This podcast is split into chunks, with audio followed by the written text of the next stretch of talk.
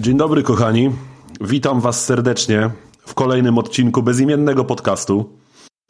Mamy na liczniku już 214 odcinek konkretnie. E, dzisiaj jest 10 lipca 2022 roku, w sensie 2022, nie 22 naszej ery, żeby nie było. Troszkę A czemu, nam... kurwa nie? Może sobie nowy kalendarz zrobimy. tak, wedle, wedle starego kalendarza w każdym ja proponuję, ja proponuję, zróbmy kalendarz, który się zaczyna od y, daty premiery PlayStation 1. Albo Starfielda. O, czyli, czyli minus 720 dni. Y, tak jest, dokładnie tak. Ej, Krystian, Krystian, właśnie miałem, przepraszam, że się wtrącę, ale... Nie ma, no, strasznie jeszcze, się wpierdolił od samego początku. premiery, no. Oczywiście, że nie, ale yy, mieliśmy, mieliśmy pytanie wczoraj na streamie, więc tak od razu będziemy o tym streamie jeszcze gadali i, i, i na pewno, na pewno przybliżymy wam trochę bardziej tą ideę, pewnie do niej wrócimy w taki czy w inny sposób, ale tam było pytanie do Krystiana, i na to pytanie musi Krystian odpowiedzieć sam, bo ja nie wiedziałem, co powiedzieć. Ale do tego pytania wróci, wrócimy jeszcze w trakcie naszej rozmowy o wczorajszym streamie. No to tylko tak mówię, żebym nie zapomniał. Tak, to, tak, tak. Zaznaczymy to na pewno. Jakby też chciałem do tego pytania wrócić, więc tak czy siak okay. dzięki za przypomnienie. Także tak, jakby y, siłą rzeczy przedstawiam wam y, za drugim mikrofonem ze studia w Krakowie Rafał Radomyski, który zdążył już mi się wpierdolić w słowo. Cześć wszystkim, witam. Uhu. Tak jest. I za trzecim tym razem mikrofonem y, ze studia w, w Ro Rotterdam? Rotterdam? Jak to było? Roderam się czyta. Roderam. Roderam, no. Ze studia w Roderam Christian Kender. E, dobry wieczór, witam wszystkich bardzo serdecznie. A za pierwszym mikrofonem już drugi raz z rzędu ja, czyli Mikołaj Weiser. Witam serdecznie wszystkich w 214 odcinku podcastu Bezimienny. Słuchajcie, będzie o czym rozmawiać. Wbrew temu, co niektórzy mogą twierdzić, będzie o czym gadać. Niektórzy pograli, niektórzy pograli trochę mniej, za co dostali odpowiednią zjebę od dyrekcji, że tak powiem. Pozdrawiamy Ale dyrekcję. mniejsza o to. Tak, pozdra pozdrawiamy dyrekcję. Kto nie skacze, ten z dyrekcji hop, hop, hop. W każdym razie, słuchajcie, mm, w tym odcinku poruszymy kilka takich tematów. E, Jeden jest taki wyjątkowo w sumie sympatyczny i wesoły, bo nie robiliśmy jeszcze czegoś takiego. Mianowicie chodzi mi o wczorajszy stream z takiej jednej gry, który to stream zrobiliśmy wspólnie yy, ja, Rafał i, i Tomek Zawadzki, którego pozdrawiam. Słuchajcie, wpadliśmy na taki pomysł, że zrobimy sobie konkurencję dla Top Geara, yy, bo jakby stwierdziliśmy, że oni są już starzy, niedługo umrą, więc jakby ktoś musi przejąć pałeczkę. Poza tym byli w ogóle ostatnio w Krakowie i nakręcili odcinek, który będzie o Polsce. Tak, ewidentnie im się poci dupa, przyjechali do Polski zrobić po prostu y, rozeznanie, czy ich tutaj nie wygryzamy czasem. A wygryzamy. I słuchajcie, jakby ten pomysł przyszedł nam do głowy w związku z aktualizacją, powiedzmy w cudzysłowie, next genową, do gry The Crew 2, co nas jakby nie licho zdziwiło, że właśnie deweloperzy zdecydowali się i wydawca przede wszystkim zdecydował się na odświeżenie tej gry. Bo ja poniekąd myślałem, szczerze mówiąc, że ta gra już jest właściwie martwa. Jak się okazało, gra w to jeszcze trochę ludzi. Teraz był nawet darmowy weekend właśnie z The Crew 2. Mm, I to była dobra okazja, żeby sprawdzić ten update. I przy okazji sprawdzania tego update'u stwierdziliśmy, że z chłopakami zrobimy właśnie taką konkurencję dla Top Geara i przejedziemy sobie całe Stany Zjednoczone, bo jak wiadomo w tej, e, w tej grze mamy do, do dyspozycji oczywiście odpowiednio pomniejszoną, ale generalnie bardzo akuratną mapę całego USA. I stwierdziliśmy właśnie, że zrobimy sobie taką krajoznawczą wycieczkę na streamie. Właśnie ja, Tomek i Rafał stwierdziliśmy, że przejedziemy sobie wzdłuż i wszerz całe Stany Zjednoczone, co też zrobiliśmy. E, stream był bardzo fajny. E, ja osobiście, mimo, e, mimo, że tak powiem, moich problemów z modelem jazdy w tej grze, bawiłem się bardzo dobrze ze względu na to, że ta gra głównie do tego się dla mnie nadaje w sumie, właśnie do po prostu pośmigania sobie z koleżkami po mapie, pozwiedzania jakichś ciekawych miejscówek, ale na pewno nie do ścigania się, bo jakby w The Crew jak dla mnie model jazdy nie istnieje i, i nie odczuwam absolutnie żadnej przyjemności z jazdy tymi samochodami w tej grze.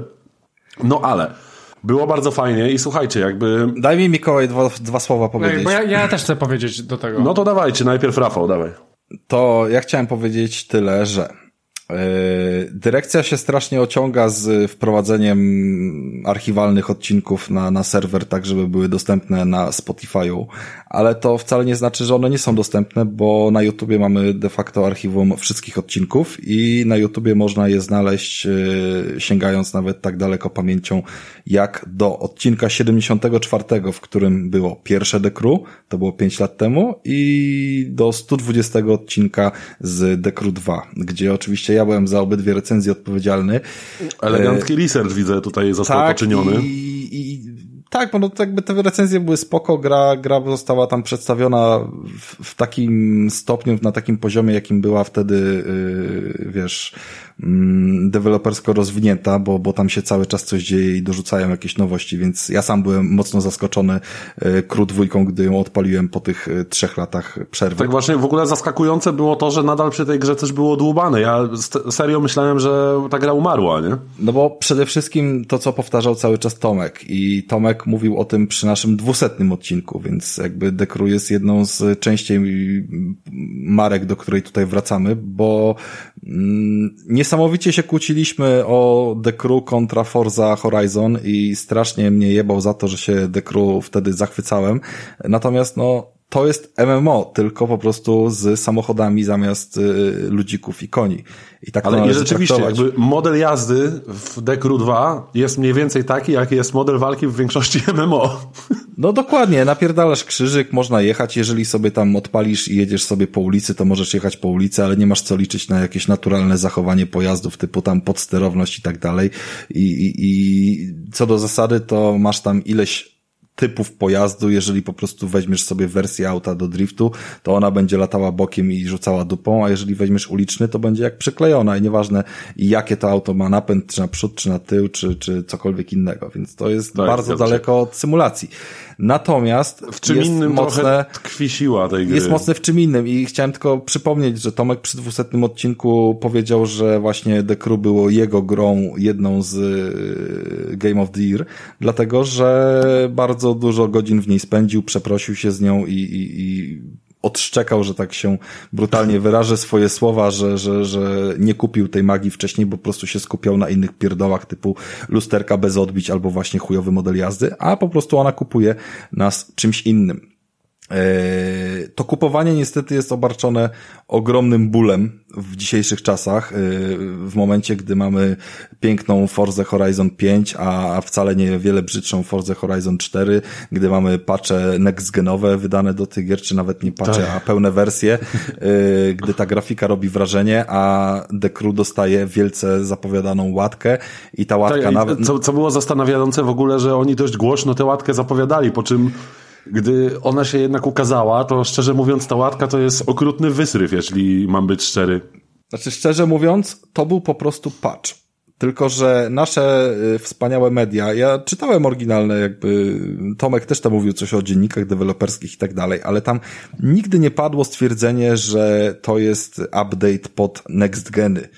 I ja się wcale nie zdziwiłem tym, że mi się ciągnie zwykły patch do gry 30 giga, tylko po prostu, że yy, na, na next genach jest odblokowany klatkarz i masz 60 klatek, yy, ale wciąż Full HD. To jest tak naprawdę dzisiaj Jezus, wydany, 4 ja lata po premierach. Ja wrażenie, to niby jest Full HD, ale ja szczerze mówiąc w żadnej jeszcze grze, no w Dying Lighta grałem sporo w Full HD, w Dying Lighta dwójkę i jakby nie rzucało mi się to tak w oczy, natomiast tutaj kiedy włączyłem sobie na moment tryb tych 60 klatek, to to był po prostu dramat. Ja miałem wrażenie, że ja gram w jakiś źle skompresowany gameplay na YouTubie. To, był, to była po prostu tragedia, nie?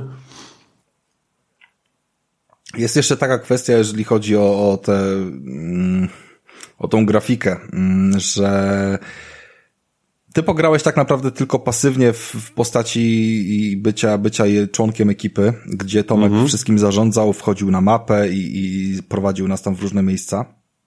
Natomiast swoją drogą widziałem, że fajne wrażenie robi przejście od mapy do samego samochodu.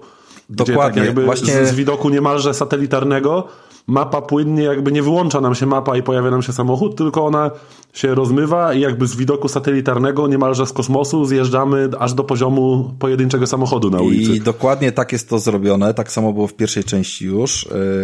Yy, to się jeszcze, było szybciej, fajne szyb, to się jeszcze szybciej teraz odpala, więc mapę masz cały czas online, możesz sobie w przeciągu kilku sekund yy, przefrunąć na mapie do innego miasta i zobaczyć również tam budynki, jeżdżące samochody w niej, więc yy, ta mapa cały czas jest w pamięci podręcznej i ja wiem, że oni mogliby to zrobić ładniej, ale na pewno jest to ciężko, ciężkie do ogarnięcia na tym silniku, który został, wiesz, za, zaprojektowany pod stare konsole Czy, ogólnie do ogarnięcia.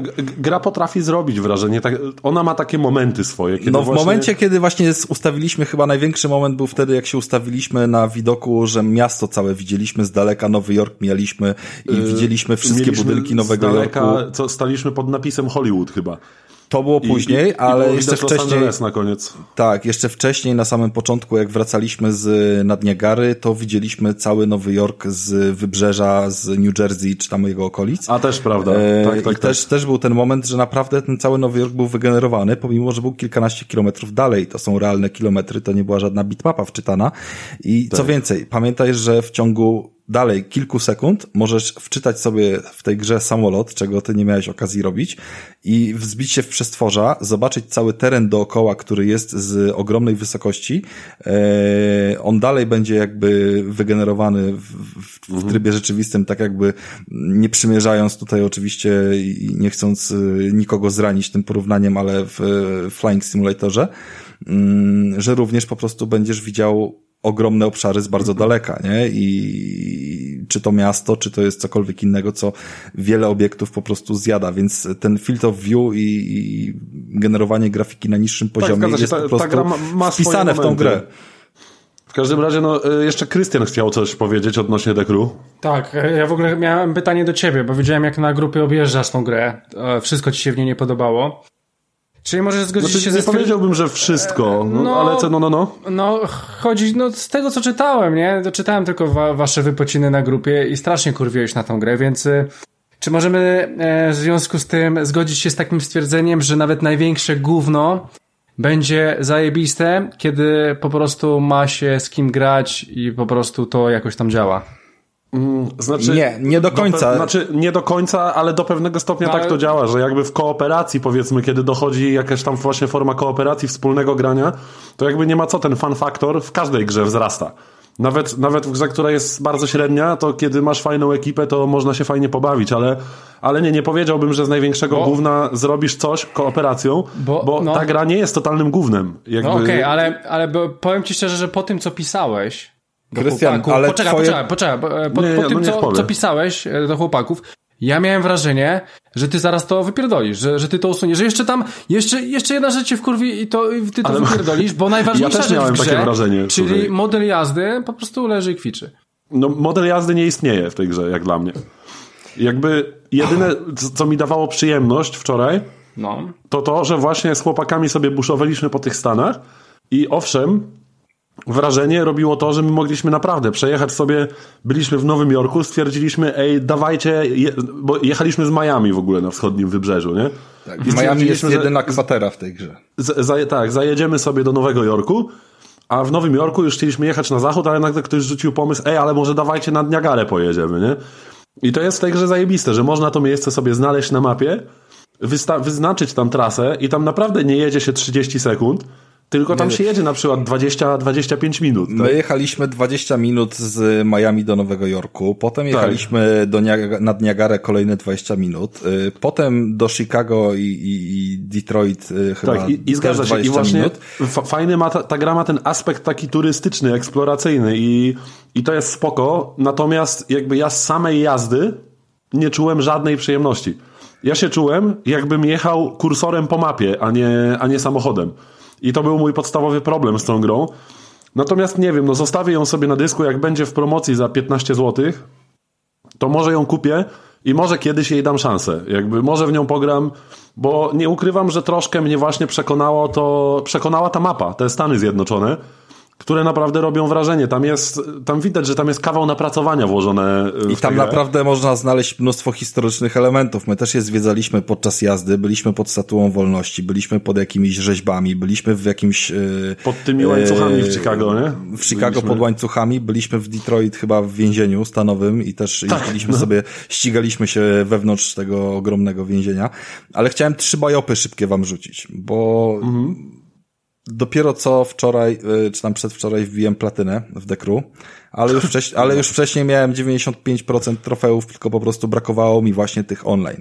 I to jest niejako odpowiedź na to, co powiedział Krystian, że mając praktycznie splatynowaną grę, brakowało mi dwóch banalnych trofeów, które są w podstawce, czyli wygranie wyścigu z kimś w ekipie oraz drugi, czyli w przejechanie 50 km z kimś w ekipie. Ja te trofea wbiłem z Tomkiem, gdy on tą grę sobie y, pobrał na darmowym weekendzie w czwartek, ale 50 godzin gry tego nie zrobiłem wcześniej, bo grałem no tak. cały czas sam. Więc to nie jest tak, że ta gra nie potrafi przyciągnąć bez kogoś w ekipie.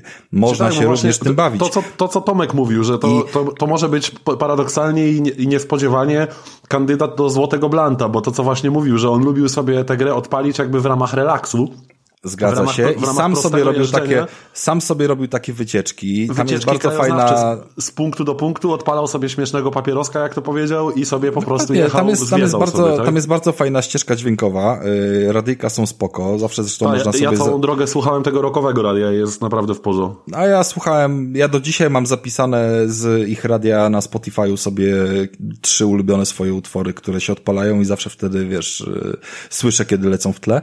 Tak, i, i to ciekawe, ta ścieżka dźwiękowa potrafi całkiem zaskakująco współgrać z tym, co się dzieje na ekranie, mimo że tam nie są dopasowywane utwory.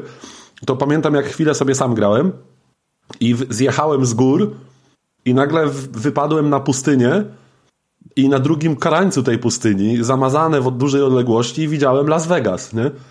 I, I nagle ja widzę, że dojeżdżam do tego miasta, ale jeszcze kawał drogi mnie tak naprawdę czeka po pustyni. I wtedy bardzo fajnie z muzyką był. Ten, to, był to było właśnie, co ja nazywam tymi momentami w grach, nie? Że ja po prostu wyjechałem z tego lasu, wypadłem na to solnisko całe, nie? Tam co niedaleko tak, Las Vegas tak, jest. Tak, tak, tak, tak. I, i, na, I w bardzo fajny sposób złożyło mi się to z, z muzyką, która w radiu akurat leciała. I miałem takie, wtedy pierwszy raz przestałem być wkurwiony na tę grę, nie? Jakby...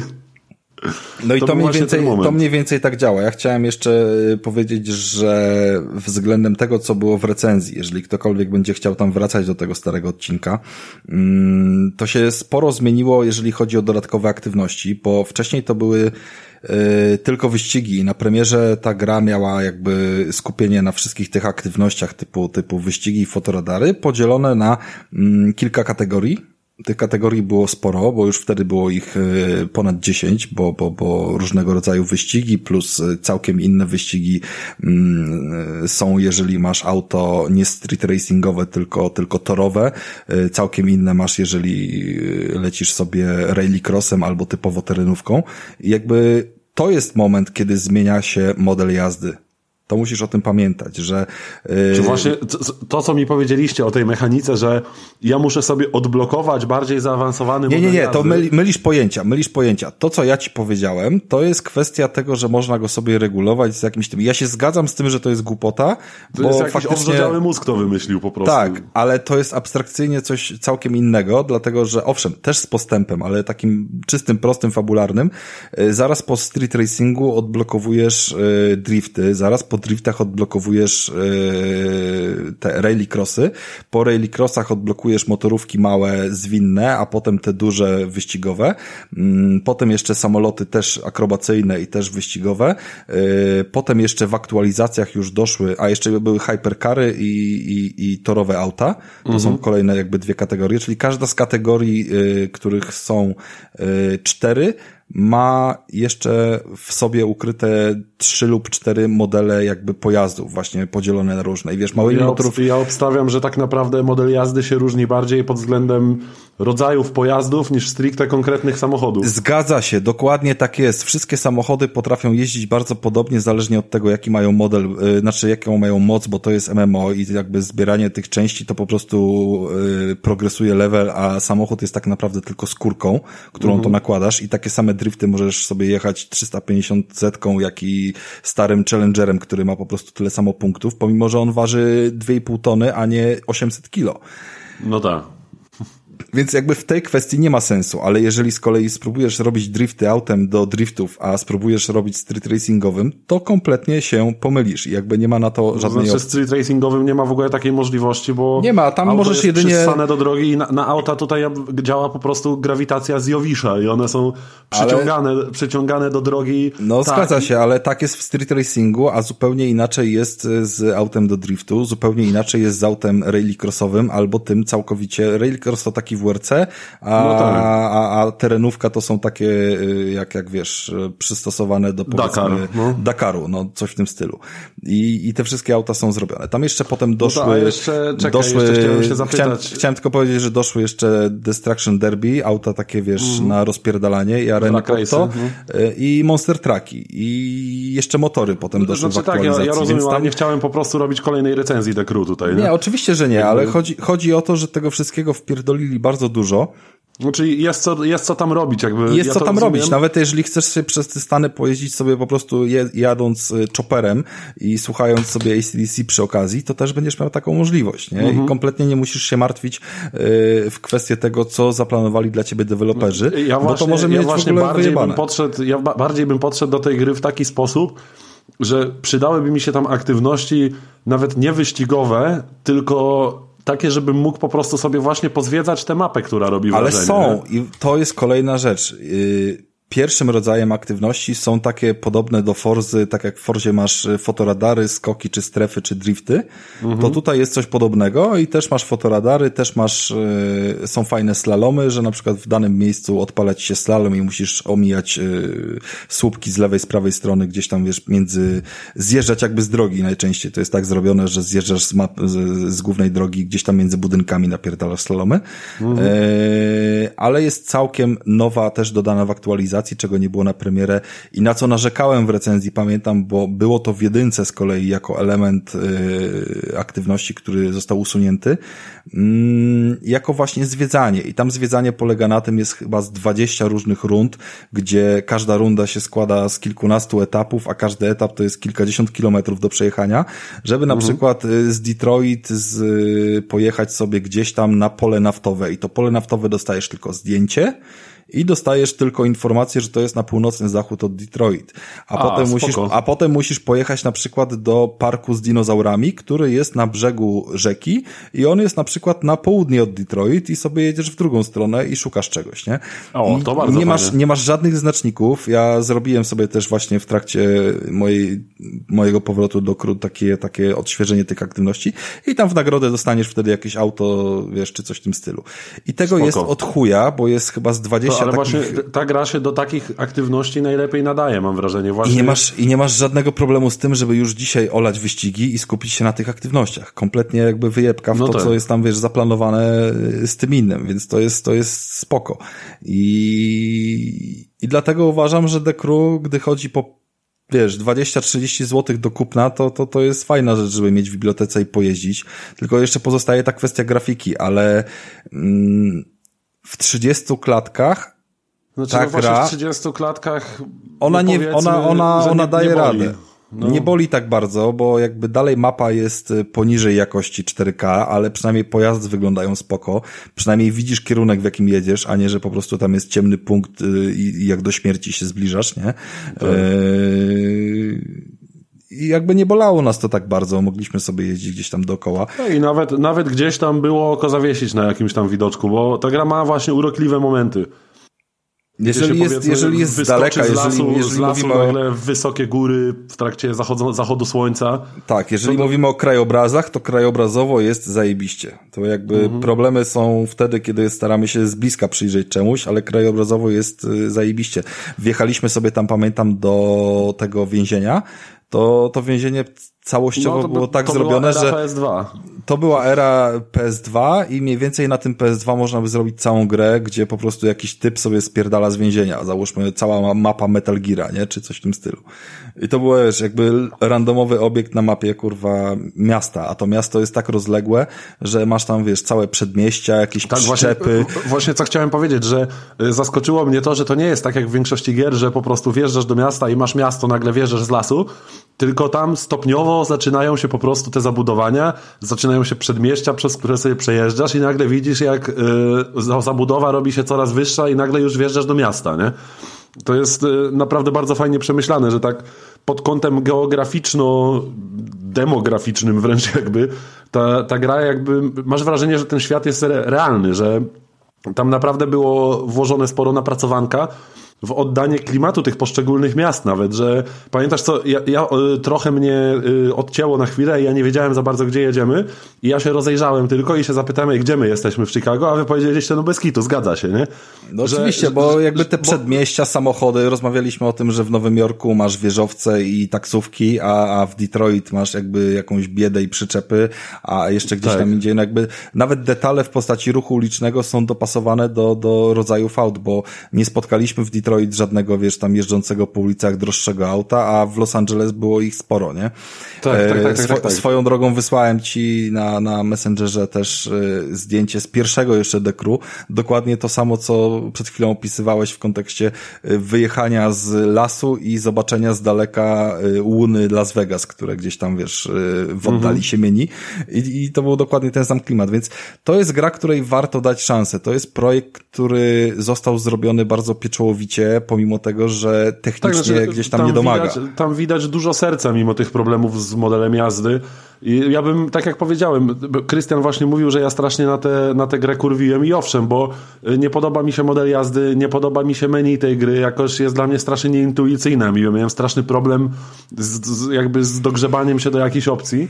No bo to jakby- menu zostało, wiesz, yy, też dokokszone o 20 różnych nowych opcji, których Mhm. nie było wcześniej. Na premierę było o wiele prostsze, dlatego że nie, nie zawierało tylu poziomów, nie? A teraz po prostu, jako to jest chyba szósty Tak, no, sezon ale jakby, ale jakby mu, przez kolejne te sezony... tak? Że Oczywiście. Wspomi wspominam po prostu o tym, co mnie, co mnie w tej grze zdenerwowało. Potrafi odrzucić. Absolutnie, absolutnie jakby rozwiewając tutaj Krystiana pytanie, ja nie twierdzę, że, że ta gra jest głównym, bo wczoraj z wami bawiłem się bardzo dobrze na tym streamie i Czy ty, czy ty masz to zdjęcie, które mówiłeś, że z maski widzisz mój zderzak?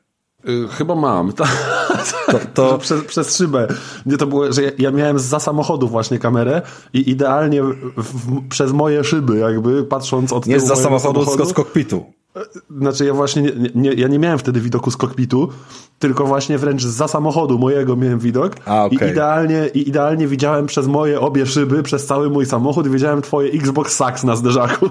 No, no właśnie, no więc jakby to, to, to są kolejne kwestie, które gdzieś tam, wiesz, Tak. A ty. Krystian w ogóle grałeś w Dekru? Ty, ty odpalałeś tę grę? No, kiedyś odpalałem chyba jedynkę bodajże. No spoko, ale, ale chyba nie dla mnie, nie, Nie chciało porwało mi się. cię.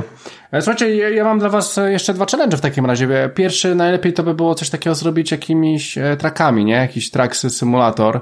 I wtedy opierdolić razem, nie wiem, w zależności od, od części i, nie wiem, i mapy, e, coś całe, na, na przykład jeden do jednego jechać parę godzin, albo e, lepszy challenge. Wpierdoli, wpierdolcie sobie Flight Simulator wszyscy, wylećcie z miast, w których mieszkacie i wpierdolcie się po prostu na mój budynek, na mój dom. Wsz- Wszyscy się rozjebcie na mój dom.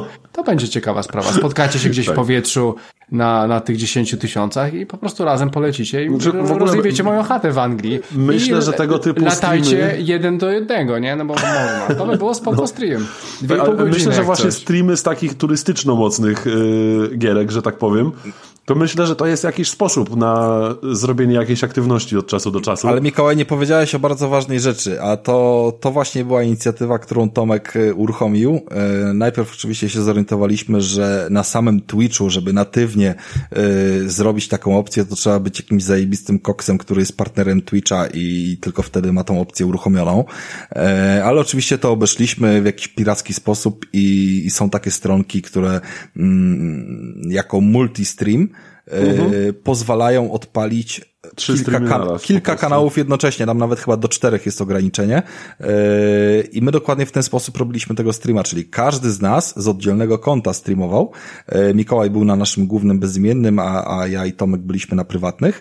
Yy, I ten multistream w ten sposób funkcjonował, że jeżeli ktoś nie z powiadomienia, nie z aplikacji Twitcha, tylko właśnie z naszego linku skorzystał, to miał odpalone trzy ekrany naraz, na żywo jakby nadające, plus czat wyboru jeden z nich, dźwięk też jeden z nich trzeba było, bo się nie mogły nakładać, ale my w no każdym tak. jakby dzięki temu, dzięki zajebistej funkcji, jaka jest w PlayStation, a nie ma w Xboxie, to udostępnialiśmy dźwięk z czatu na każdego streama. W Xboxie i... to jest, tylko ktoś z was miał z tym problem kiedyś, pamiętam.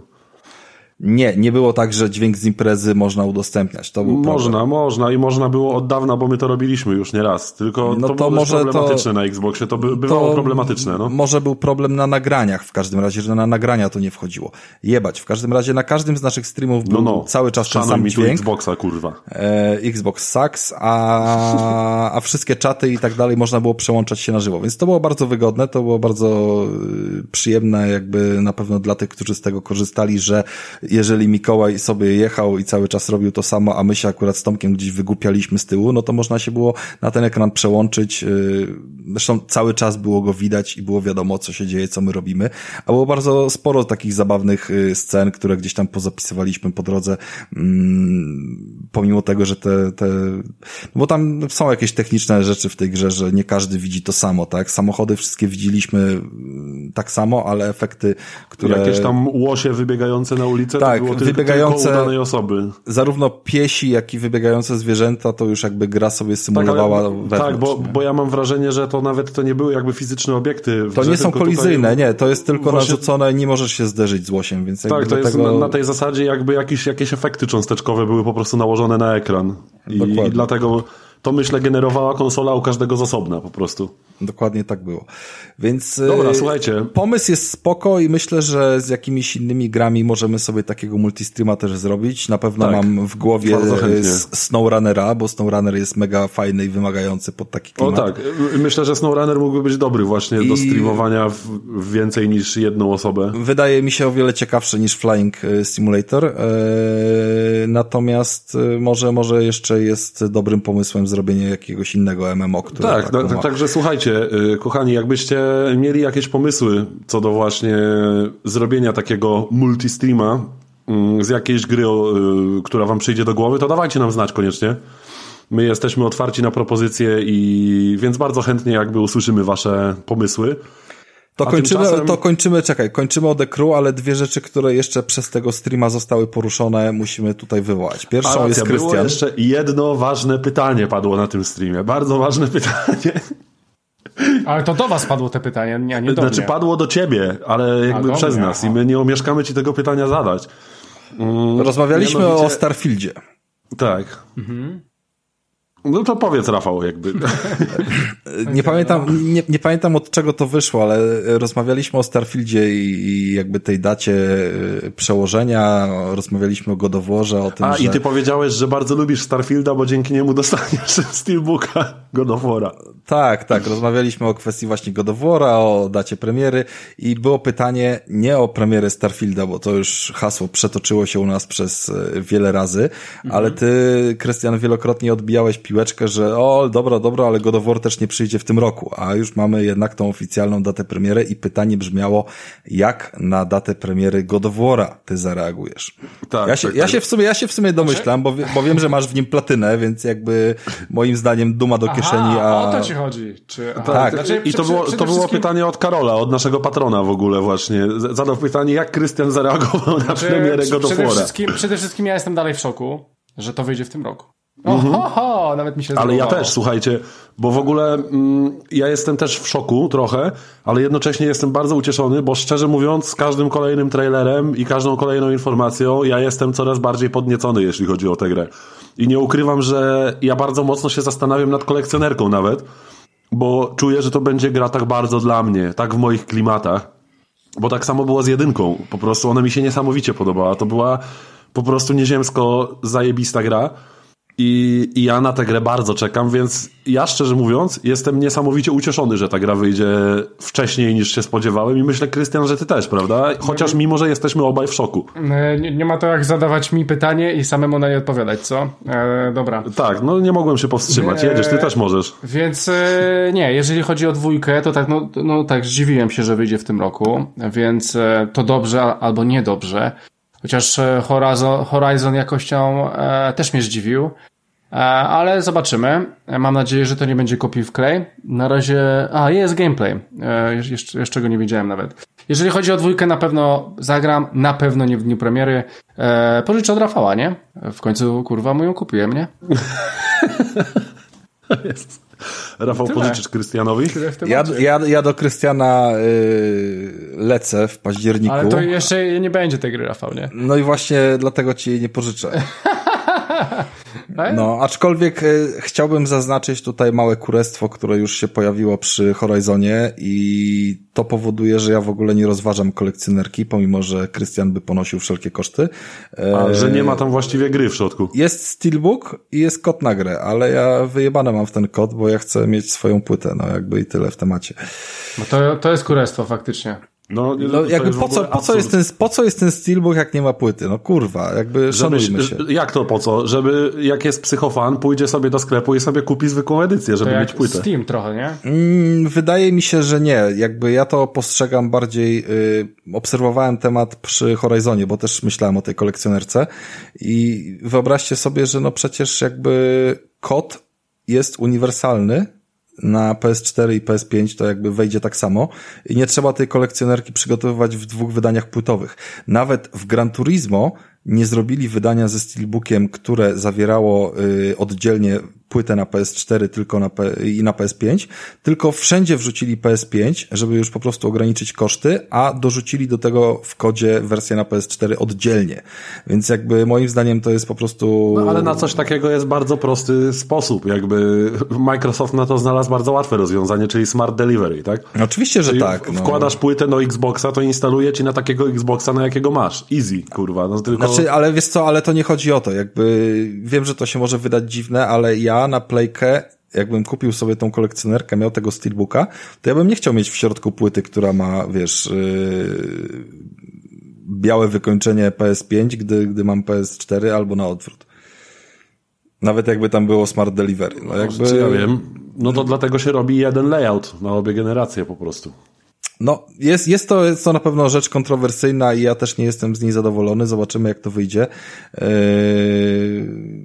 Nie, nie znalazłem dla siebie, mi się ta kolekcjonerka tak bardzo nie podoba, żebym tam chciał sobie zagracać jakby szafkę i wystarczyłby mi Ale czyli co. Krystian, mówisz, że nie będziesz brał na premierę God of War'a? Nie, jeżeli chodzi do, do recenzji, to Ra, Ra, Rafał pierdolnie, być może jeszcze ty, więc nie czuję takiej Ja- ja potrzeby. na pewno, jedynka, na była, 100%. była, e, jedynka była super, naprawdę super się bawiłem w niej. W No nią. może pierdolniesz jeżeli- jakby- Jeżeli, jeżeli faktycznie zobaczę taką, taką planszę, jak Elden Ring ma i wszędzie dziesiątki dookoła, to, to, to kupię. To, to przypier pójdę do sklepu i kupię, ale nie wydaje mi się, to będzie mniejszy szał. Tak, bo Eldena niż- kupiłeś.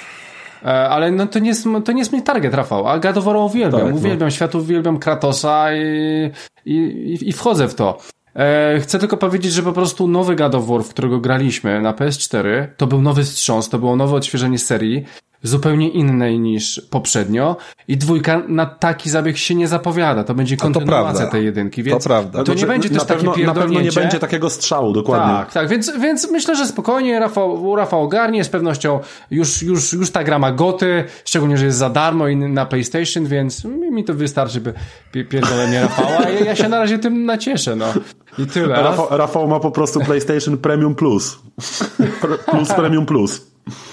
Od Krystiana. Nie więcej, To jest nie- akurat wspaniała, wspaniała usługa. No dobra, ale to jeszcze przechodząc, przechodząc e, słuchajcie, płynnie w takim razie e, do kolejnego wątku, który tam został poruszony również przez e, naszego patrona, to chciałem tylko A gdzie jedno... ty mi się tu kurwa w kompetencje No, pierdzielasz? po- no, Co to ma po- znaczyć? Już, już idziesz dalej, ale zapomnimy o tym, a chcę A, powiedzieć idziesz. właśnie o kwestii o kwestii tego, że Krystian być może ogra sobie tego God of War'a jednak na premierę, dzięki, dzięki tam jakiemuś y, patronowi jednemu czy drugiemu. Natomiast y, pojawiło się takie pytanie i to też chciałbym formalnie gdzieś tam rozwiać wątpliwości. że to, że my sobie nastawiliśmy jakieś progi i, i, i, mamy jakiś tam wymysł tego, co być może od nas patroni oczekują, to jest jedno, ale jest oczywiście też ogromna kwestia elastyczności i, pojawił się y, człowiek, który ma konsolę w wersji digital i zapytał, no jakby co wtedy, żeby on chciał gdzieś tam, wiecie, rzucić większe wsparcie, y, że nawet tak naprawdę nie zależy mu na tym, żeby tą grę potem dostać, że, że może to pudełko by poszło sobie w ramach konkursu do kogoś innego, y, czy coś w tym stylu. Jak najbardziej taka opcja będzie wchodziła w grę. My nie będziemy robili z tego żadnego problemu, ze wszystkim jesteśmy w stanie się dogadać i nie szykanujemy tych, którzy po prostu nie zbierają pudełek. No, dla nas to jest najlepsza forma, najwygodniejsza, żeby kupić Krystian grę, powiedział, ograć że on nie chce na przesłać premierę, dalej. więc ja dostanę w Patronite tego do fora i chuj. No ale to, to że Krystian go nie dostanie, to jest inna kwestia, ale, ale chcę powiedzieć tylko dla potencjalnych obecnych czy przyszłych patronów, że żeby się nie nakręcali na to, że tak napisaliśmy i będziemy się jak y, księgowy Krystian trzymali każdego wypowiedzianego słowa, tylko, tylko jesteśmy w stanie to po prostu trochę tam zawsze za, za, zakręcić, załagodzić. Na różne, na różne jesteśmy w stanie rzeczy się zgodzić, y, czego też y, pewien wyraz na streamie daliśmy, ale tego już wam nie powiem, to do zapisu streama zapraszam, bo tam padło parę Dokładnie. ciekawych Jak, jak, jak może ten, jak może pójdę z tym gadoworem dla Rafała, czyli jakieś 329 zł, to może pójdę jeszcze dalej i przypierdolę mu, nie wiem, Xboxa Series X, żeby mógł mu gry No. kupować na normalnego Xboxa w pudełkach, żebyśmy mogli je dostać. Ale komu? jakby- Komu? No nie wiem, no jakiemuś patronowi, który ma tylko digitala i to jeszcze pewnie Karolowi PlayStation ma, jakby. tak? Tak, Tam był ma PlayStation Digital, tak. No, on PlayStation, ma, no ma to, no to tym bardziej, zapraszam na zieloną. No, no to, to, to daje mi na miarę już mu kupuję konsolę. Robimy zrzutę, tak, my dbamy o naszych słuchaczy. To ja, mogę, ja, mam, ja mam nieużywanego Xboxa również w digitalu, więc chętnie się go pozbędę. O, no to coś. jeszcze. No tak, ale to chodzi o to, konsola żeby miał pod, pudełka. Dobra, słuchajcie, mm, z tego naszego freestylu, że tak powiem, jaki wyszedł przez pierwsze 40 minut tego dzisiejszego odcinka. Nie będzie o czym gadać. Torerere. Przechodzi... Tak, dokładnie. No, już, a była spina, była spina przed odcinkiem. Niewiele brakowało, a tego odcinka by nie było, słuchajcie, bo było mo- mordobicie było na naszej grupie. Ale słuchajcie, mm, mamy parę rzeczy, o których chcemy powiedzieć. Ja chciałbym, mnie interesuje mm, opinia o jednej grze, która myślę przywołała nam czasy automatowe wręcz mm, salonów arcade. I chciałbym posłuchać Krystiana, co ma do powiedzenia na temat najnowszych żółwi ninja. Czy one smakują dobrym pepperoni? Okej, te tak. żółwie ninja? E, Kałabanga, czy jakieś takie. Kałabanga, e, I tam dokładnie. jeszcze jest pizza time. E, słuchajcie, to może ja opowiem historię. Ja mam pytanie bardzo O ważne Boże, dla mnie. pierdolę. Tak, Super, dziękuję. ale Krystian, to jest do ciebie pytanie. pytanie Nie szybko zdążył na nie słowa odpowiada. Mikołaj zadaje mi pytanie i teraz Rafał odpowiada. No kurwa, co Tak. jest z wami? Nie odpowiadam, tylko ja też mam pytanie. Zanim wejdziesz do żółwi ninja, czy powiesz, który kolor ma jak na imię? O, to jest dobre, poczekaj. Ale Tak, bo ja się, bo powiem, ja się powiem, pierdolnąłem. powiem, w piątek powiem, byli, w powiem. piątek, w piątek byłem u, na podpisaniu umowy u jednego y, gościa, którego Tak. bardzo przepraszam, bo miał koszulkę. Miał koszulkę z jednym żółwiem, ja powiedziałem, że to jest Michelangelo, a to był Raffaello i no. Okej, Rafa... no dobra, Raffaello jest No czerwony, przypał, kurwa. Leonardo jest niebieski, pomarańczowy jest Michelangelo i Donatello jest z kijkiem, czyli fioletowy. Ale No powiem ci, zajebiście. ale powiem ci, że gdybym nie grał, to nie pamiętałem, bo jak odpaliłem tą grę, to nie pamiętałem. Ja pamiętałem Donatello i Leonardo, Ja ale Leonardo właśnie mi się, też pamiętałem, mi tak. się, mi się pierdolnął e, Raffaello z Michelangelo, a to było jakieś dziwne. No dobra, a, a No jak tak, się, a jak każdym się, a, mnie- a, jak się nazywał szczur? Sprinter. O, dobrze. A, Splinter, a jak się tak. nazywała April? April. Okej, super. Jak się Jak się nazywa April? April? April. No to było ładnie. zajebiście zadanie pytanie. Chciałem cię wziąć pod chuja, żebyś powiedział coś takiego. No dobra, nieważne, no. Jak E, dobra, więc a, to Słuchaj, pytanie mo- do Jedziesz, mnie. Krystian. Aha, w końcu, ale super. No. E, dobra, słuchajcie, dawno, dawno temu, a od tego w sumie powinienem zacząć, e, kiedy chodziłem do drugiej albo trzeciej klasy podstawówki, więc miałem jakieś, powiedzmy ile to mogło mieć, 8-9 lat. Po zajęciach lekcyjnych, ze względu na to, że rodzice pracowali, zostawałem na czymś takim, co się nazywało świetlica. Słuchajcie, na tej świetlicy było sporo, e, sporo znajomych i e, oczywiście na tej świetlicy graliśmy sobie na starusieńkim Pegasusie. E, powiem wam, że E, no ja po prostu po lekcjach nie mogłem się doczekać, kiedy napierdalałem sobie w te pierdolone żółwie ninja. Z tego co się orientuję, chyba graliśmy e, w ogóle na cztery pady, ale tego już wam nie, pa nie pamiętam, czy tak było. Faktem jest, że po prostu byłem zaerany e, jak chuj. Po prostu zajebiście wspominam właśnie żółwie ninja i ta, ta świetlica, te dzieciństwo, które po prostu chyba już te pokolenie nie przeżyje. E, będą mia mieli inne wspomnienia z czymś zupełnie innym. Faktem jest, że po tylu latach ta gra wraca. Słuchajcie, ta gra wraca i ta gra wraca praktycznie jeden do jednego z pewnymi tam ulepszeniami, zmienioną troszeczkę muzyką, oczywiście podciągniętą grafiką do tych 16 na 9. E, więc e, po prostu ona wraca, ale, ale ten gameplay się nie zmienił. To jest wszystko nienaruszone i jest, no kurwa, no jest przepiękne.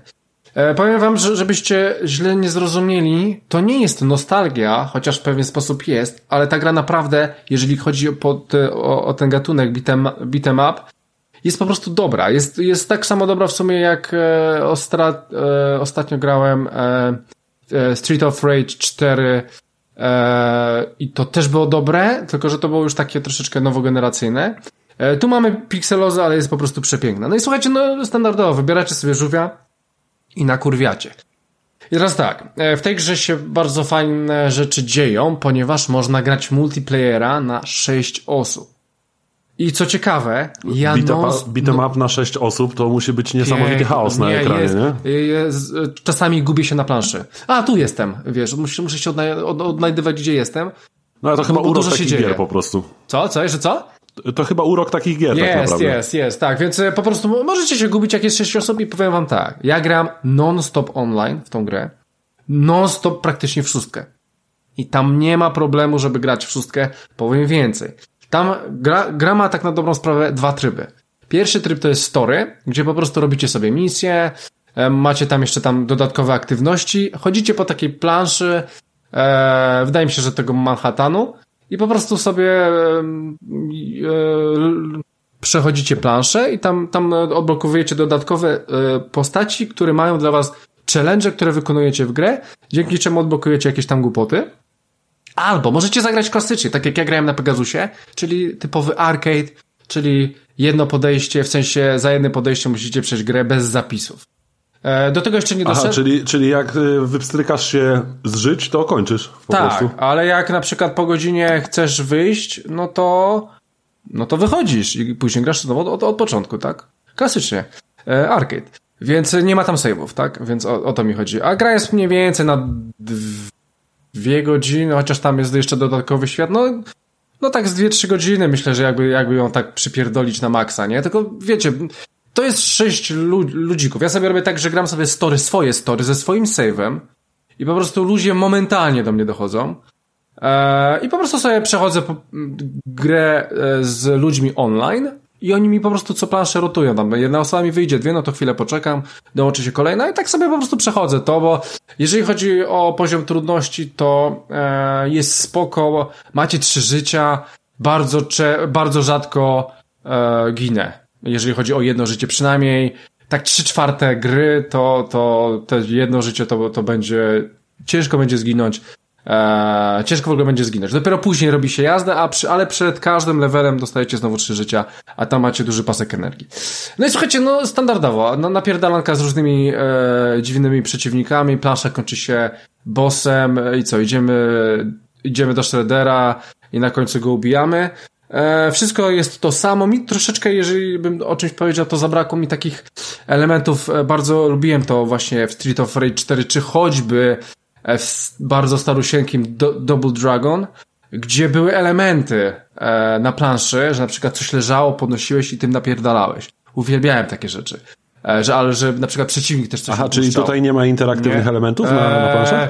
Nie ma takich elementów, które sobie po prostu podniesiesz i komuś przypierdolisz tym. Koleżka idzie na ciebie z pałką, to nie, nie, nie wyrzuca. Po prostu pałka ginie razem z nim.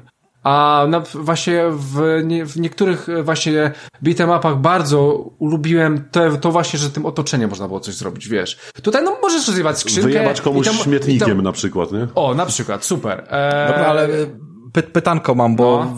wjeżdżasz w to Street of Rage, to faktycznie gatunek jest bardzo, bardzo zbliżony, ale to, to nie był chyba taki remake, tylko właśnie zrobili po prostu w klasycznym to, gatunku. Kontynuacja, to była kontynuacja, mm. podciągno, podciągnięta na bardzo ładną grafikę i po prostu no, czwarta no, część, nie? Okej, okay, zgadza się. A jakbym chciał się odnieść bardziej do mm, remastera, który się pojawił też w Game Passie w, w, chyba w zeszłym roku, czy, czy dwa lata temu nawet, mm. Battletoads, które też są jakby klimatem nesowym, klasycznym, są, są no, mega rozpoznawalną grą i, i w odniesieniu do oryginału przeniesienie tutaj, yy, no poziom trudności na pewno był zachowany, bo pamiętam jakby liczne streamy, czy, czy można przejść dzisiaj yy, Battletoadsy tak jak się kiedyś przechodziło, nie? No tak, ale jakie masz pytanie o to? Jeżeli chodzi o no, Battletoadsy, to tam troszeczkę ta yy, mechanika... Czy grałeś w Battletoadsy i czy jakby odnosiłeś się do, do, do tego, że tak samo się zajebiście gra Powiem wtedy, ci, nie, nie. Wiesz co, w Battletoadsach miałem o tyle problem, że tam było większe skupienie. Tam na przykład bardzo często się ginęło i się powtarzało. W sensie, że na przykład idziesz do jakiegoś bossa, giniesz, to powtarzasz to, ale nie cały level, tylko tam e, do checkpo od checkpointu do bossa. I tam na przykład miałeś e, bodajże, kurczę, nie, nie grałem online, grałem tylko lokala na dwie osoby. Nie wiem, czy tam wie, większą ilości osób grałeś, ale po prostu Battletoadsy były bardziej skillowe, e, i bardziej takie troszeczkę na poważnie i ten poziom trudności był większy. I po prostu wiesz, no możesz grać 10 razy, ginąć przy tym bossie i próbować od nowa, tak? Okej, okay, spoko. Ale Żółwie Ninja pod tym względem są takim bardziej arcade'ikiem i moim zdaniem sprawiają większą radość, tak? E, szczególnie jak się dużo dzieje, szczególnie, że no Battletoads było w ogóle bardzo, bardzo super wykonaną grą. Bardzo mi się podobała grafika i tam było bardzo dużo e, elementów takich typowo zręcznościowych, niezwiązanych z walką. Coś trzeba było robić, skakać e, i, i rozwiązywać też zagadki czego w żółwich ninjach nie ma. Po prostu tam masz level i przechodzisz. Więc troszeczkę, troszeczkę coś innego Battletoadsy powiedzmy, że były bardziej mocniej skillowe. E, no tam było dużo różnych było... leveli, które, które odjeżdżały na bok jakby takim, wiesz, y, w ogóle swoim układem, nie? No, tak, ale... no bo w Battletoadsach tam było różne jeżdżenie pojazdami, jakieś tam Też, takie tak, bardziej tak, właśnie tak, wyścigowe tak. etapy, tego typu rzeczy. W żółwiach no tam... tego nie ma? Nie ma. Nie, w, nie, wiesz co, są, są takie rzeczy, że jeździsz jakimś pojazdem, ale to wiesz, no jeździsz na zasadzie, że, że to jest twoja, twoja mapa, tak? Że po prostu poruszasz się po tym e, prostokącie, tym pojazdem, no i po prostu z prawej, z lewej strony dojeżdżają na przykład na motorach inni się z nimi napierdalasz. Ja w ogóle e, wiecie co, wiecie co jest, jak ja tylko to odpaliłem i tak sobie popatrzyłem, że no, to, to jest po prostu przepiękne w tych grach, znaczy w tej akurat grze i w ogóle w, w tym gatunku. Idzie mi taki typ z lewej strony ekranu, tak, dostrzegam go, bo jest po prostu przy krawędzi, nakurwiam go, a on, to jest zajebiste, on po prostu odbija się od krawędzi mojego telewizora, czyli od, od krawędzi i po prostu wraca do mnie i już um, umarł, no nie? No, no przecież takie rzeczy się normalnie nie dzieją, powinien dostać w pierdol i, i, i wiecie, wyjść mi za ekran, a on się odbija od mojego ekranu i wraca do mnie. No bo tak są stworzone te gry, tak jest stworzona ta gra i po prostu... Żebyś mógł mu zajebać jeszcze raz. Tak, ale, ale on już zginął i tak. W sensie, że on się odbił, wrócił do mnie i tak już zginął, zniknął, tak? Bo Poprawić mu. Więc po prostu, no, no to jest zajebiste. I, i, chyba w Street Fighterze, e, Street, Street of Rage już tego, czegoś takiego nie było, a tu jeszcze to zostawili. E, słuchajcie, wracając do żółwi, mamy e, ścieżkę dźwiękową, mam wrażenie, że pozmienianą. Licencja się nam troszeczkę zmieniła, więc pewnie niektórych utworów nie było. Wydaje mi się, że tu jest więcej takiej elektroniki i muzyka jest dosyć fajna, szczególnie, że może tym razem jest bardziej zauważalna niż kiedyś. Chociaż ja byłem dziecięciem, to, to nie pamiętam. Pewnie nawet na to nie zwracałem uwagi, ale... Poza ale... tym jakby muzyka na Nesie raczej, w sensie tam były fajne utwory i dobre motywy, ale jakby trudno tam się było doszukiwać jakichś melomańskich, że tak powiem, wrażeń. Tak, e, pewnie tak, więc, e, więc tutaj po prostu ona występuje i robi to bardzo dobrze, tak? Więc, e, więc to jest fajne. No słuchajcie, no super, no, no fajny, fajny powrót do, do, do mojej, mojej pierwszej, drugiej, trzeciej podstawówki. Fajnie się gra w takie gry. Do, do takich gier mnie kurwa zawsze ciągnęło. Pomimo tego, że to jest taki gatunek na wymarciu, no. A grałeś w to z kimś tak na żywo, z Ulą na przykład, na, na kanapie? Tak, w ogóle wiecie co sobie zrobiłem, bo ja jestem w trakcie przeprowadzki, jeszcze jestem na kartonach, więc sobie stwierdziłem, że do salonu przepierdolę dwa telewizory i dwa Xboxy obok siebie. I wow. Ula gra na jednym, obok, obok mnie, ja gram na drugim e, e, Xboxie i na drugim telewizorze i graliśmy To jest sobie całkiem inny, całkiem inny osób. poziom dzielenia ekranu. tak, tak. No, dokładnie. L- I- LAN party to jest po prostu. Tak, więc graliśmy sobie razem e, i jeszcze cztery osoby do nas. E, więc jeżeli, Fajnie. jeżeli o, o coś takiego e, się pytasz, I co, tak, i, tak, i to fajnie się tak gra z kimś na kanapie? No kurwa, znaczy my, e, my nie na kanapie, no bo ja mam duży telewizor, więc ja się tam nie wpierdolę A, no z tak. małym, więc ja muszę siedzieć w, w drugiej części salonu, więc e, ja po prostu sobie siedzę na małym i No sobie jakby, no małym. wiesz o co mi chodzi. Czyli Tak, gra ma tak, potencjał super. pod kanapowego koopa, tak? Oczywiście, że tak, tak. Znaczy, e, to może, słuchajcie, to może być kanapowy koop, ale ze względu na to, że drugi użytkownik dołącza się jako użytkownik w nawiasie 1, drugi użytkownik nie, dostaje trofeów. A, a jest tak jak jest, wiecie jak jest u mnie, więc po prostu my musimy mieć trofea, więc po prostu ja, No tak. ja gram na drugim Xboxie, tak? Ale tak, oczywiście, tu możecie mieć, e, nie wiem, czy Xbox obsługuje 6 padów, ale, ale lokal, lo, działa przepięknie w tej grze i, i grałem i jest super, więc jak najbardziej bierzcie ekipę i napierdalajcie na Sofię. Przejdźcie sobie żółwie że są zajebiści i po prostu gra się przyjemnie w tą grę. No, oczywiście ona może nużyć, wiadomo, że jak się na, napierdala dwie godziny non-stop, bo praktycznie jest to samo non-stop, No no to może się to znudzić. E, ba bardzo fajne są też na przykład jak ktoś zbierze pizzę, no to oczywiście tam krzyczą pizza time. Ej, ja wam No mów, muszę powiedzieć o pizzy w Żółwiach Ninja coś. E, Ja dobra, no i ja, ja, ja, to ja już będę pomału kończyć. Słuchajcie, jest sześć charakterów, o tych sześciu, których powiedzieliśmy. Jest jeszcze siódmy charakter. Nie pamiętam, jak on e, do końca się nazywa, ale on do nas dojdzie w e, momencie, w którym e, chyba Carter się nazywa. On do nas dojdzie w sytuacji, w Jesse, której... masz na myśli tego typa z hokejowym kijem. z hokejowym kijem, tak. No, Jesse. Jesse, ale to nie jest Jesse, to nie. Czy JC on jakoś tam... No coś może. takiego, no. Okej, dobra, więc chcę powiedzieć, że siódmą właśnie, siódmy charakter dostaniecie oczywiście, jak przejdziecie grę. E, no i on jest troszeczkę, mam wrażenie, że troszeczkę jest dojebany. E, no ale żółwie to żółwie, gra się super, są zajebiste przerwniki przed, po każdej misji. E, to, to super działa, odgłosy, fajne rzeczy są, czasami ja, ja lubię takie rzeczy, że na przykład ktoś coś zrobi, ktoś kogoś podniesie i coś fajnego powie, gdzieś tam rzuci jakiś tekst. I to jest fajne, i to jest fajne, bo to jest taka fajna interakcja, e, po prostu klimat tego wszystkiego zostaje zachowany i po prostu on, on, one żyją własnym życiem i tak to właśnie powinno polegać. E, słuchajcie, zajebisty powrót e, do żółwi, rewelacja, najlepsze żółwie jakie wyszły i po prostu grajcie, szczególnie, że są za darmo w usłudze Xbox Game Pass. Rafale, miałeś pytanie.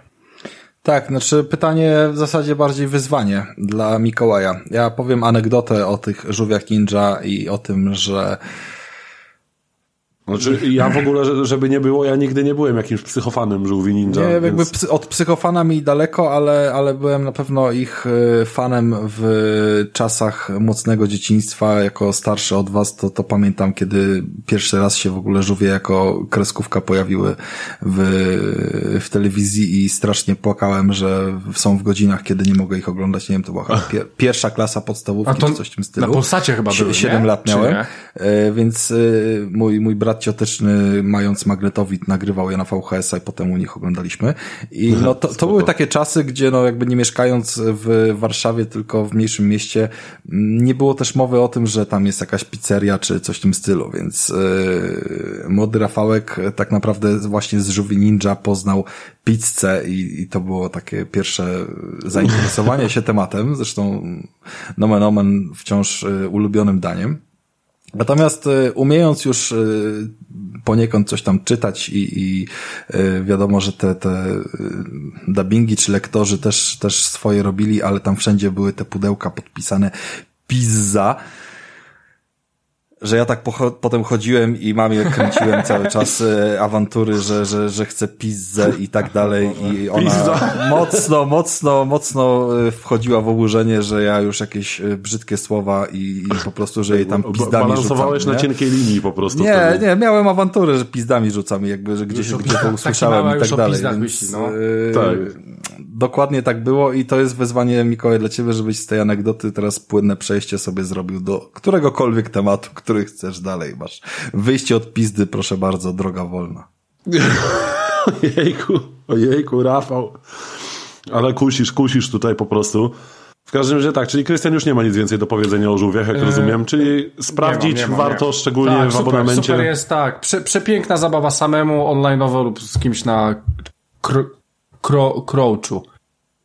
Na kauczu, no na i dobra. Na, na, na castingowej kanapie. To rozumiem w takim razie. Bierzcie, bierzcie. Dobra, to w takim razie polecamy żółwie, mm, szczególnie właśnie w kooperacji. A jeśli chodzi właśnie o takie właśnie y, pizdowate powroty do dzieciństwa, tak jak to Rafał, Rafałowi się zebrało na wspominki, jak to rzucał pizdami w dzieciństwie i mamy tutaj y, w ostatniej usłudze, w najnowszej usłudze Sony pojawiła się gra, która myślę właśnie dla wielu graczy z pokolenia nam podobnego, że tak powiem, może być właśnie jedną z gierek dzieciństwa, mm, którą bardzo dobrze pamiętają. I to jest Toy Story 2. I Rafał z tego, co mówił, właśnie sprawdzał sobie ostatnio tę grę. Z ciekawości y, w ramach nostalgicznej podróży sobie ją odpalił i został na trochę dłużej, prawda? Dokładnie tak było. Tak jak księgowy Krystian na zeszłym odcinku mnie rozliczył, to ponad 50 gier zainstalowałem sobie z tego plusa, żeby, e, żeby je posprawdzać. E, no i szczególnie tam mocno poszedłem w erę PS2, bo, bo, bo nie ukrywam, że to była generacja, którą dosyć mocno ominąłem. PS3 zresztą też, znaczy obie konsole miałem, ale przez krótkie okresy czasu i, i tak naprawdę tylko skupiłem się wtedy na tych największych hitach, a przynajmniej na hitach jakby ekskluzywnych które gdzieś tam nie wychodziły. I tego Toy Story, szczerze mówiąc, nigdy nie ogrywałem. E, gdzieś mi się rzuciło na jakimś Twitterze czy, czy coś w tym stylu e, w oczy, że ktoś, mm, ktoś był właśnie tym Toy Story zainteresowany, że, że fajnie działa, no jakby to gra jest odpalana natywnie w wstecznej kompatybilności, czyli przez ten emulator, nie, nie żadne e, streamowanie, więc byłem ciekawy po prostu jak to wygląda. Mm, nie, nie powiem, żeby mnie specjalnie urzekł y, Splinter Cell, którego też odpaliłem, no i to jest powiedzmy y, Tekken 2, Splinter Cell to takie klasyki, które każdy mm -hmm. pisał, że tam od razu w pierwszej kolejności sprawdza, nie? Y, więc pobrałem to story, odpaliłem i w gruncie rzeczy po, po jakimś tam uporczywym yy, przepchaniu się przez ekrany wczytywania i menu mamy, mamy w końcu jakby grę, gdzie od razu uderza nas yy, fajna muzyczka i słuchajcie, dla mnie to nie była żadna nostalgia, bo, bo, bo oryginału nie znałem. Natomiast y, Patka mało tam się nie wypierdoliła biegnąc z kuchni, jak usłyszała te dźwięki, pytając się, zanim zobaczyła ekran, czy to jest Toy Story? I wiesz, nie. tego typu tematy, nie? I od razu. Ale myślę, jakby, że, myślę, że miałbym dokładnie tak samo z tą grą. Od razu jakby usiadła obok, od razu zaczęło się jakby granie i chodzenie po tej y, planszy i, i, jakieś takie klimaty. A słuchaj, tutaj w garażu chyba jest plama oleju jakaś, a tutaj musisz coś tam jeszcze zrobić, nie? I, i cały pierwszy etap, y, który gdzieś tam powiedzmy z wyczyszczeniem, bo ja oczywiście chorobę już miałem taką odpaloną, że musiałem wymaksować jakby od razu na dzień dobry pierwszy level ze wszystkiego, co tam jest do zebrania, pomimo, że 25 razy byłem pytany, czy chcę go już opuścić, bo zebrałem jeden znacznik i mogę iść dalej, yy, jakąś tam plakietkę. Mm, no i słuchajcie, sterowanie nie jest takie, jak dzisiaj znamy z dzisiejszych gier, ale wciąż jest bardzo przyjemnie responsywne i naprawdę niezbyt wiele miałem problemów, żeby się w tej yy, poniekąd platformowej grze poruszać. Pomimo, że kamerę mamy yy, z, z zafiksowaną bohaterów, z zapleców bohatera, ale ona nie zawsze od razu się obraca, czasem robi to z jakimś opóźnieniem. Możemy też to wspierać prawym analogiem, jakby jej e, ruchy i, i trochę tam jakby się ustawiać i bardzo łatwo, szybko jest się na, nauczyć tego sterowania. Powoduje to jakby właśnie brak takiej frustracji, jaką Mikołaj miał przy ogrywaniu Dekru dwójki. Mm, grafika również nie odrzuca. E, powiem więcej, potem jeszcze próbując tą grę wyłączyć, e, natknąłem się na opcję emulacyjne, które gdzieś tam były. Nie, nie bawiłem się w żadne filtry i tego typu rzeczy, natomiast y, odpalając gry z pierwszych trzech generacji PlayStation, zawsze masz jakby taki komunikat odnośnie sterowania, że na touchpadzie po lewej i po prawej stronie masz tak naprawdę symulację przycisków y, Start, Start i Select. select. Mhm. Share dalej pozostaje jakby funkcją share'a, czyli możesz sobie robić zrzuty ekranu i te wszystkie rzeczy, które są gdzieś tam w systemie konsoli zaplanowane. Natomiast pod przyciskiem opcji masz yy, tak naprawdę sterowanie emulatorem i możesz sobie tam jakieś zrobić opcje typu właśnie szybki zapis, którego nie ma w grze, które ci zapisuje powiedzmy rozgrywkę yy, dopiero wiesz po, po przejściu levelu czy jakimś tam innym dziwnym miejscu, a ty możesz sobie yy, wzorem nowych emulatorów nowoczesnych po prostu zapisać sobie rozgrywkę w danym punkcie. Z marszu, tak. Ale jeszcze fajniejszą opcją jest przewijanie rozgrywki. Że na przykład, no nie wiem, walczę sobie z jakimś robotem, ten robot mi zajebał w ryj, nie? A ja sobie w tym options mogę zrobić przewinięcie do tyłu o 5 sekund, tak jakbym grał w Forza Horizon albo no. sobie w Motorsport zwykłą.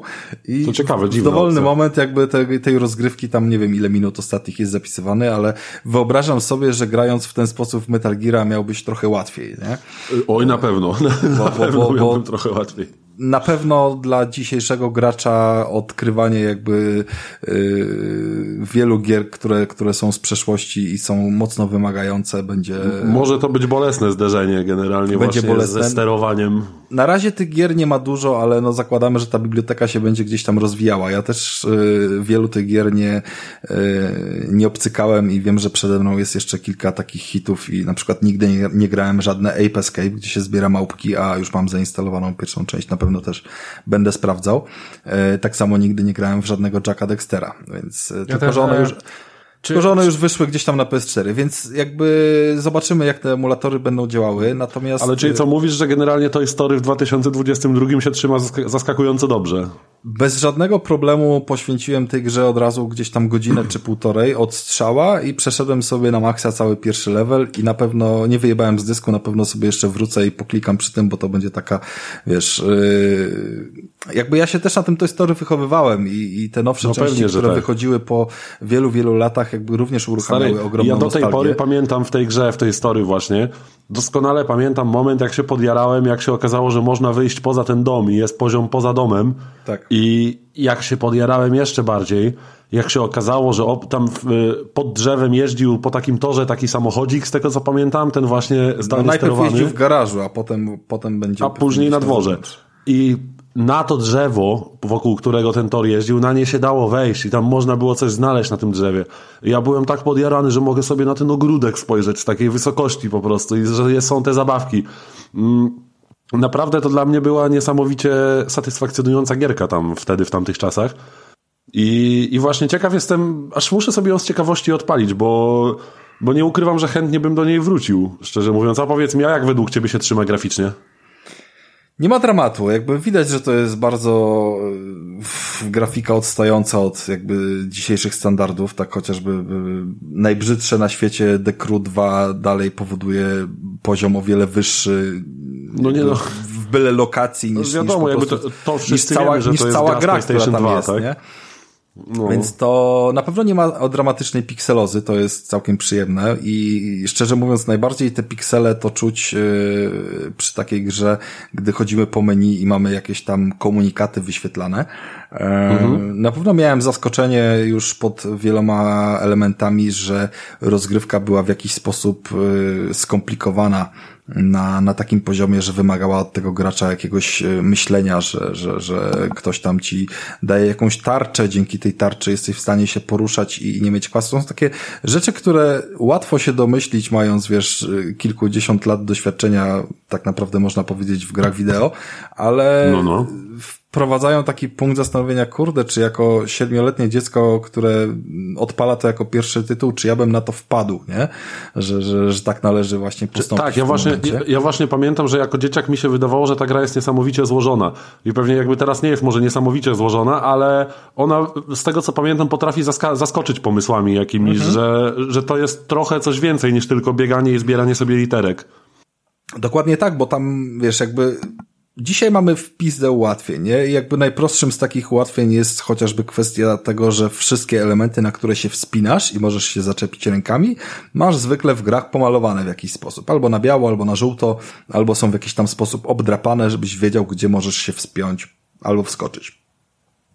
Nawet jeżeli Horizon najnowszy zrezygnował z tego elementu, to wprowadził mm. skaner, który powoduje, że na kilkanaście sekund te elementy się podświetlają, po których możesz się wspinać. Tak, tak. Wiesz, to, to, były jeszcze, to były jeszcze czasy przed tą całą tymi pomocami środowiskowymi, że tak powiem, prowadzeniem to... gracza przez środowisko. Dokładnie tak było. I jakby tutaj mamy elementy w postaci w, wspinania się na krawędź, jakby podskoczysz do krawędzi obiektu i się będziesz wspinał na nią.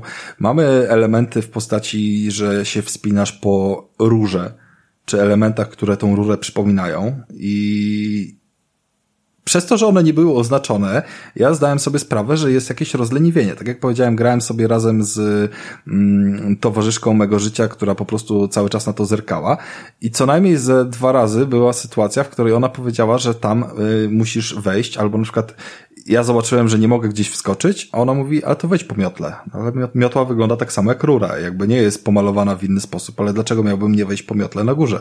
Jakby oczywiście miotła się okazała taką samą rurą jak każda inna i mogłem po niej wejść, tylko że nie od razu jakby to zatrybiłem, bo ona się niczym nie wyróżniała, nie? Bo już nas te dzisiejsze gry rozleniwiły, Tak, ale, że... ale to może być dość satysfakcjonujące w sumie właśnie. Myślę, Oczywiście, że na podobnym że tak. poziomie jakby, w sensie nie porównuję jakby tych dwóch gier oczywiście, ale na podobnym poziomie jaką ja miałem frajdę z odkrywania tych nieoczywistych rzeczy właśnie w Metal Gearze, który też nie prowadził cię za rączkę. Dokładnie tak było, że tam właśnie wszystkie te elementy, które, które są, to wymagają jakichś metod prób i błędów i wiesz, i, i, i poznawania tych mechanik, które tą grą y, sterują, nie? Więc tym tak. bardziej, że tam jest jeszcze widok z pierwszej osoby, w tym widoku z pierwszej Tak. osoby ci się w szybce odbija twarz twojego y, baza Baza astrala, astrala, w sensie, którym się steruje w tej grze, tak? że się zastanawiasz, no, no dokładnie, jakby sterujesz nim w grze, ale gdy wchodzisz do widoku pierwszej osoby, to, to nie widzisz tylko i wyłącznie y, przeniesienia kamery, ale zmienia się jakby całe wyświetlanie, y, no bo on ma twarz taką, wiesz, jak trzy piksele na krzyż i po prostu tam ledwo widzisz oczy, jeżeli chodzi o normalne bieganie, ale w momencie, gdy przechodzisz do widoku FPP, to widzisz elegancko jego tą szybkę y, zasuniętą na kasku, w której jest odbicie całej twarzy, więc całkiem się zmienia y, wyświetlanie Spoko. grafiki w tym to momencie. w ogóle, nie? to w ogóle fajny, fajny detal, powiem ci. Ja tego Bardzo nie fajny pamiętałem. detal. Bardzo fajny I- detal. Jak Mi się to jak na grę, która też ma pewnie z 20 lat już niemalże. Dokładnie. Wczoraj, wczoraj na tym streamie rozmawialiśmy o nadchodzącym, yy, Boże, jak to było, no, o nadchodzącym, jak byliśmy w Detroit, Robocopie i Tomek Mhm. mówił, że właśnie yy, to celowanie Robocopa z tym, tym jakby nakładającymi się krzyżykami może być takim fajnym yy, Featurem. fajnym featurem, który może dawać satysfakcję w tej grze. A właśnie chciałem powiedzieć, że te starodawne czasy sprzed 20 lat tego yy, śmiesznego bądź co bądź Toy Story dwójki yy, posiadają właśnie taki fajny system namierzania podczas celowania, że nie celujesz tylko i wyłącznie z palca, chociaż masz możliwość strzelania gdzie chcesz, ale po prostu, że włączasz w sobie wtedy autocelowanie i on mm, przy widoku z pierwszej osoby namierza jakąś tam yy, jakiegoś wroga, który gdzieś tam się porusza i możesz sobie do niego wtedy strzelać z lasera. On jest powiedzmy wtedy cały czas śledzony mm, przez, przez ten, wiesz, namierz- jako, jak jest namierzony, natomiast nie przez cały czas y, trafiasz go od razu. Jakby to namierzenie dalej ma swoją mechanikę, to nie powoduje... Bezwładność. Pamiętasz, jak strzelaliśmy w Metal Gearze z rakiet, nie? Że, że Tak, była ta no. bezwładność. No to jest dokładnie to samo tutaj, bo strzelasz z lasera i w tym momencie ten laser leci sobie y, po tej linii, kiedy został wystrzelony, a jeżeli twój wróg w tym momencie akurat wykonuje jakiś ruch, unik i tak dalej, to on ucieknie ci spod tego. Musisz jakby wykonać w odpowiednim momencie jeszcze ten Spoko. strzał, żeby on został Czyli, trafiony. czyli nie jesteś hit skanerem po prostu. Nie, tak to nie zwanym. jest hit scanner na zasadzie, że tylko skanujesz pomieszczenie, klikasz dwa razy kwadrat i lecisz dalej, tylko jeszcze musisz Tak. wiesz, poświęcić czas na oddanie tego strzału w odpowiedniej Spoko. e, sekundzie, więc to jest bardzo fajny powrót do nostalgii, przypomnienia sobie, jak gry kiedyś były robione, Fajnie. że, że są To- o wiele trudniejsze i, i bardziej wymagające. Tak, ja nie ukrywam, że spoko w ogóle, że jednak w tym PS Plusie nowym, że się pojawiają takie rzeczy, więc jakby polecamy sprawdzić właśnie dla wielu pewnie graczy z naszego pokolenia, tam 30 plus powiedzmy, właśnie takie Toy Story to jest na pewno dla wielu z nich gra dzieciństwa, więc polecamy sobie sprawdzić, zobaczyć jak ta gra się trzyma. Zdecydowanie chcę polecić mówi. nawet tym, którzy właśnie tak jak ja nie mają tej gry jako, yy, jako Mhm. z dzieciństwa. Uważam, że to jest jeden z idealnych przykładów gier, żeby zobaczyć jak wyglądała generacja PlayStation 2 i jak wyglądały gry robione w 2000 roku. I przy okazji nie zostać odrzuconym, bo jednak gra się całkiem nieźle trzyma z tego co rozumiem. Zgadza się. No, czy umówmy się, jakby jeżeli chcemy sobie sprawdzać, jak wyglądała generacja PlayStation 2, to możemy sobie odpalić Metal Gear 2 i będziemy mieli Tak. o wiele wyższy poziom zaawansowania. Ale to wciąż nie zmienia faktu, że Toy Story 2 jest naprawdę fajną grą i, i, i mocno, mocno można się w nią wciągnąć od pierwszych już minut, więc polecam. No to, to jest najlepsza rekomendacja. Jeżeli z tego pierdolnika coś należy wygrzebać, a uważam, że przy takich abonamentach, gdy mamy dostęp do tam 500 czy 700 gier na dzień dobry, to jedyny sposób jest polegać na jakichś dobrych, y, dobrych ocenach i, i Dobrych sprawdzić rekomendacjach. coś na rekomendacji dokładnie, bo potem dostaniemy jakby Nie No i dobra. się od razu. Fajnie, Rafał. Yy, Ja sobie na pewno też odświeżę jeszcze tę grę. Tobie, Krystian, też polecamy. Ty grałeś w ogóle w tej story? E, wiesz co, miałem chyba kiedyś taką gazetę, która nazywała się Klik. Dostało to chyba piątkę albo szóstkę i stwierdziłem, nie, nie, nie, nie. Spoko. A wiecie co? Ja typowy, ogóle- typowy Krystian, który patrzy na cyferki. w- Ja w ogóle tę grę, słuchajcie, ja ją mam y, w pudełku na peceta. Tego Toy Story. Ja w to grałem na pececie. W każdym razie tak, jedziemy dalej. Y, Krystian też sobie pograł y, w bardzo poważne gry, tak jak właśnie Rafał. Y, I taką bardzo poważną grą jest Fall Guys na pewno, przy której trzeba zachowywać powagę, skupienie i nakurwiać skillowo. Krystian, co tam powiesz nam o Fall Guys, bo wspominałeś, że grałeś e, i chciałbyś pogadać. E, oczywiście my, e, my o niej mówiliśmy, dokładnie chyba ja o niej mówiłem dwa lata temu, praktycznie dwa lata temu, kiedy ona wyszła. E, ale teraz e, wyszła poza, e, na lepsze konsole w końcu. E, I wyszła z tego e, niebieskiego ciemnogrodu. Weszła z ekskluzywa i jest we free to playu. Ty będziesz free to playkę tutaj recenzował. Boże. Eee, nie, nie, nie. Ja do końca nie będę recenzował, e, bo już to robiłem dwa lata temu. Ja po prostu chcę powiedzieć, co się zmieniło, ponieważ gram w tą grę jak pojebany i ja nie mogę się od tego kurwa oderwać. I wcale się nie dziwię, że ta gra ma ogromny sukces. E, Ona wyszła, Rafale, też na free to playa, tak, ale wyszła też na inne konsole, bo ona była tylko na PC-cie i Zgadza na się. PlayStation. Teraz weszła na Switcha, e, weszła na e, Xboxa i zaraz wjedzie też bodajże na telefony.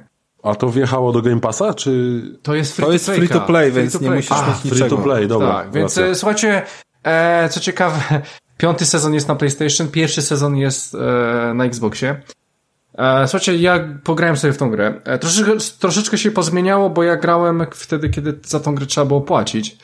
E, więc ja miałem na PlayStation i słuchajcie, e, oczywiście są standardowo sezony i działają one bardzo fajnie, bo działają tak jak na e, tak jak na w Halo, czyli płacimy te, nie wiem, 6 funtów bodajże, grosze, w ogóle chyba, chyba kupię w ogóle ten Season Pass, bo no, normalnie się wkręciłem jak pojebany. E, I słuchajcie, opierdalacie cały sezon i kolejny sezon wchodzi wam za hajs, który zdobędziecie po drodze, e, więc to jest super sprawa, więc e, kupujecie raz i gracie do końca życia. Super, to, to mi się podoba. Oczywiście se- Season Pass, wiadomo, jakieś ciuszki do tych swoich stworków. Fall Guys, chyba każdy wie o czym mówię. Jak nie to sobie wpiszcie, od razu będziecie widzieli o co chodzi. Fasolkowate ludziki. Dokładnie tak. No i słuchajcie, i te kon- konkurencje i po prostu ja jestem wciągnięty jak chuj. E, e, chcę powiedzieć o dwóch rzeczach tak na dobrą sprawę. Pierwsza rzecz, że są bardzo fajne konkurencje. Są zajebiste konkurencje. Wyobraźcie sobie, że, że macie pole sześciu kwadratów i te kwadraty, nie, przepraszam, niech będzie, niech będzie trochę ciężej. Niech będzie na przykład 9 albo 16 kwadratów, w których e, co, co sekundę, nie, co 5 sekund zmieniają się warzywa. Czyli stoicie na takim kwadracie i pod wami jest, nie wiem, arbuz, a obok widzicie, obok widzicie czereśnie albo banany i to wszystko cały czas się te pole zmienia. I one się w pewnym momencie, one w pewnym momencie gaśnie i tak jak było ostatnio, tak jak zapamiętaliście, gdzie był banan, pojawia się dookoła ściana, ści- ściany, na co, na co macie stanąć. I albo pamiętacie to, co było ostatnio, gdzie był powiedzmy ten banan czy arbuz, a jak nie, to spadacie.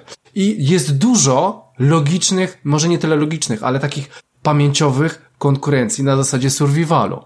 Powiem więcej. Jest nawet motyw ze Squid Game, w którym macie ogromne pole kwadratów, no i po prostu musicie przejść na drugą stronę.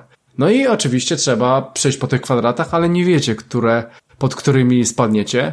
Fall Guys tytułowy, czy e, a pod którymi nie, no jest to śmieszne, bo idziecie w takiej małej grupce i każdy coś tam próbuje, kombinuje, żeby tylko nie spać, bo od nowa. Chociaż jak spadniecie, to i tak ich dogonicie, bo to idzie wolno, ale po prostu jest też nawiązanie do Squid Games, więc... Mam e, pytanko, mam pytanko. Mów, mów. No, pokazywałeś może kiedyś albo próbowałeś zaproponować y, swoim kolegom, przyjaciołom tą, tą grę, żeby tak spróbować pograć trochę może w szerszym gronie? E, tak, dzisiaj grałem ze swoją żoną. Oczywiście na dwóch oddzielnych konsolach.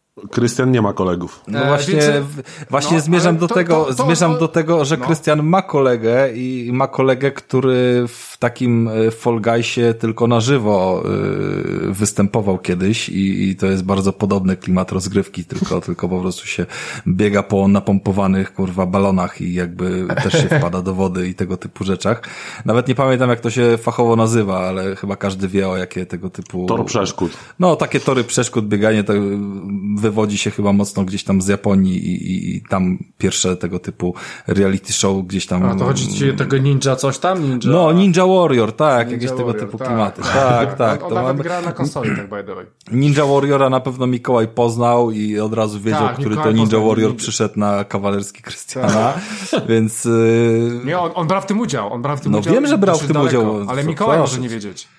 No, on ma oddzielny profil założony na socjalkach pod tego, wiesz, Ulala. Ninja Warriora swojego i tak No dalej, dobra, więc no. jakby to jest idealna gra moim zdaniem, żeby właśnie odpalić sobie i spróbować tak, wiesz, e, no, odświeżyć te, te, te przyjaźnie.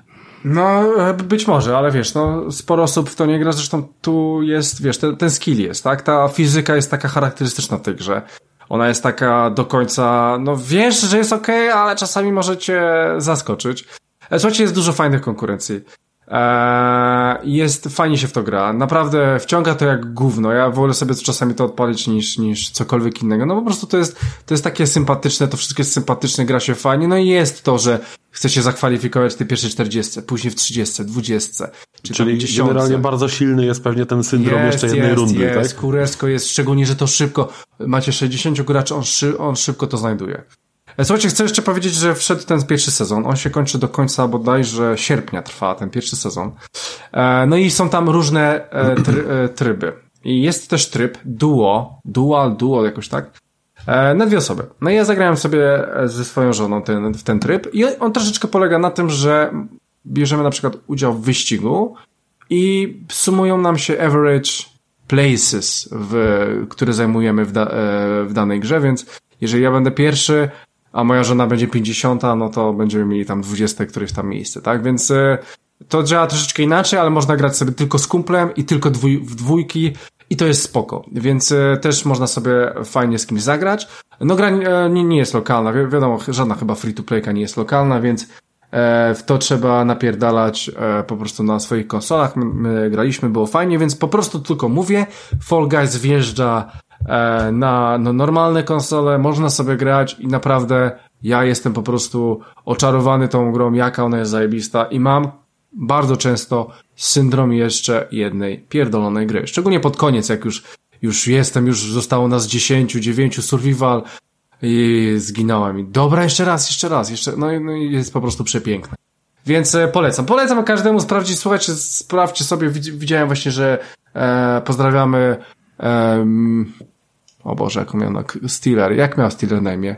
Michał chyba, Michał. Mikołaj. Michał, no to ja wiem. Michał, dobra, więc e, Michał patrzyłem, że też cały czas gra, więc e, wierzcie mi, jest super. E, Więc polecam Fall Guys, pierwszy sezon ruszyło to i, i, i, i naprawdę jest super. Dobra, więc to tyle, jeżeli chodzi o tą grę. No i spoko. Czyli mówisz, że szczególnie właśnie jak weszła jako free to play, to warto sprawdzić, albo i nie warto, bo można się wpieprzyć. E, No i spoko, no dobra. tak, tak, tak, tak. Ale tu wiesz, tu masz prostą sprawę, bo sobie ściągasz i po prostu grasz i próbujesz. No, kto tak? wie, może z tego jakiś wspólny streaming pójdzie, zobaczymy. Myślę, że ma potencjał. Pewnie. W każdym razie, słuchajcie, y, było trochę mniejszych gierek, No. było trochę wspominków, mm, a chcielibyśmy generalnie teraz też poruszyć temat troszkę większej gry. To też nie jest jakiś AAA, żeby nie było, ale na pewno jest to większa gra niż y, Fall Guys czy Toy Story. Mm, Rafał ostatnio grał i wysysał krew z ludzi. Powiedz, Rafał, w co tam grałeś konkretnego o wampirach? O mój Boże. Jakby tutaj, jeżeli jesteście w stanie sobie e, wyobrazić z przyjaciół, jak, e, jak wjeżdża nam dźwięk ukochanej przez wszystkich postaci. Janice. Oh my god. To jest dokładnie ten moment, w którym należy to użyć i usłyszeć. Dobra, wklei się później w postprodukcji. Vampire Masquerade Swansong. E, to jest tytuł, który jest e, grą od patrona. Zresztą patron już tą grę otrzymał, już ją ogrywa, już nawet o tym rozmawialiśmy. E, pozdro okularek. To I pozdro moje to streamy jest, też. To jest, słuchajcie, seria, której ja nie znałem. To jest jakby kolejne wyjście ze strefy komfortu. Nawet nie będę próbował mówić jakby jakie, jakie, mm, jakie wcześniejsze były tytuły i czym się charakteryzowały, czy miały taką samą rozgrywkę, czy też całkiem inną. Być może Krystian coś o tym powie, bo ostatnio parsknął, że, że zna to uniwersum, ale być może tylko no. przeczytał w Seed Action. Eee, nie, tym razem przeczytałem w Komputer Świat Gry. Eee, Rafał, A nie w kliku. Znam to, ej, no w kliku, bo w kliku pamiętam to historię, doskonale pamiętam tą recenzję, ona była na pół strony.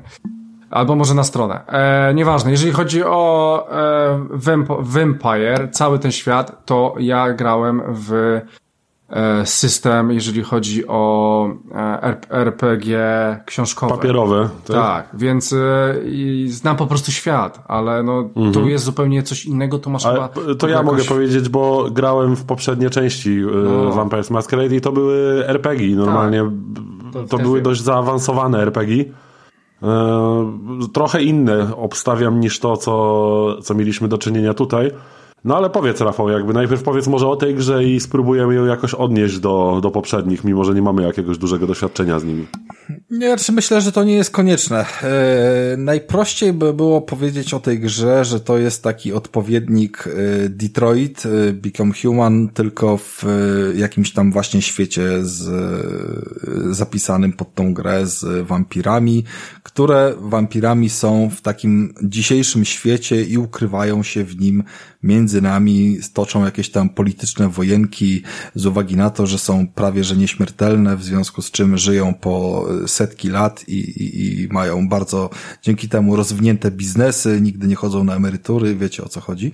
Mm, więc sobie taką szlachtę powiedzmy skrytą stanowią i ten świat jest bardzo dobrze tam rozpisany, więc yy, pierwsze co na plus mogę powiedzieć to, że nie znając tego świata, nie należy się bać tej gry, bo jest bardzo duży i bardzo dobrze rozpisany jakby informator, w którym możemy sobie fajne e, informacje, artykuły poczytać. Nie trzeba też znajdywać żadnych durnych notatek do poczytania. Owszem, one też są do znalezienia, a bardziej dotyczą fabuły bieżącej. E, raczej to jest w ten sposób rozwiązane, że gdy mamy jakiś dialog albo znajdujemy jakiś e, obiekt, który oglądamy, mm, to pojawia się jakaś tam informacja odnośnie nowego pojęcia, które, które gdzieś tam, z którym się spotykamy pierwszy raz. No właśnie, bo chciałem, chciałem zapytać właśnie odnośnie tego świata, że mm, czasami z niektórymi grami, szczególnie właśnie z RPGami, które się działy w jakimś tam świecie, który nie jest wyrwany z kontekstu, tylko ma jakąś tam swoją historię i jest to lore jakoś rozwinięte, to y, często natykałem się na takie walenie mnie łopatą lore w ryj, że po prostu y, jakaś dana postać mówi, nie wiem, jak z przykładowego gotika, nie? Że po prostu tutaj gra, ona ci w tym momencie, w tym dialogu wyjaśnia, ty musisz dołączyć do obozu, bo obozy są takie i takie i różnią się tym, tym i tym, nie? Że wiesz o co chodzi? O takie łopatologiczne wykładanie uniwersum. Nic takiego, jakby. nie, nie, nie, tutaj nic takiego nie ma w fabule. Fabuła jest w ten sposób y, zrobiona, że jeżeli od samego początku znasz to uniwersum i wchodzisz sobie w nie, tak jakbyś już poprzednie części miał y, obcykane, to normalnie te dialogi są prowadzone w sposób naturalny. Tak naprawdę wchodzisz od razu w środek rozgrywki. E, fabuła mniej więcej sprowadza się do przeżycia e, dwóch czy trzech dni. To jest bardzo jakby skumulowany wątek fabularny względem jakby całego e, istnienia tego świata i jego historii, bo coś tam się dzieje, jest jakaś sraka, jest czerwony alarm i wszyscy zostają wezwani na spowiedź do księciunia. Mm, no i księciunio zaczyna tam i od tego się zaczyna, że musisz dotrzeć do księciunia i jakby wysłuchać, co on ma ci do powiedzenia, że jest jakiś pierdolnik i że idziemy sprawdzić, yy, co się dzieje. Jeżeli coś po drodze, podczas tych dialogów albo rzeczy, które oglądasz podczas eksploracji, yy, zawiera w sobie elementy związane z lore, to pojawia się po prostu znacznik, który możesz od razu odpalić sobie do przeczytania, albo sobie wejść później i mieć oznaczony w jakimś tam wykrzykniku. W jakiejś encyklopedii, Encyklopedię, tak? dokładnie. I ja sobie tą encyklopedię odpaliłem, nie wiem, po y, chyba dwóch czy trzech godzinach jakby rozglądania się, wiesz, y, po tym właśnie pierwszej bazie.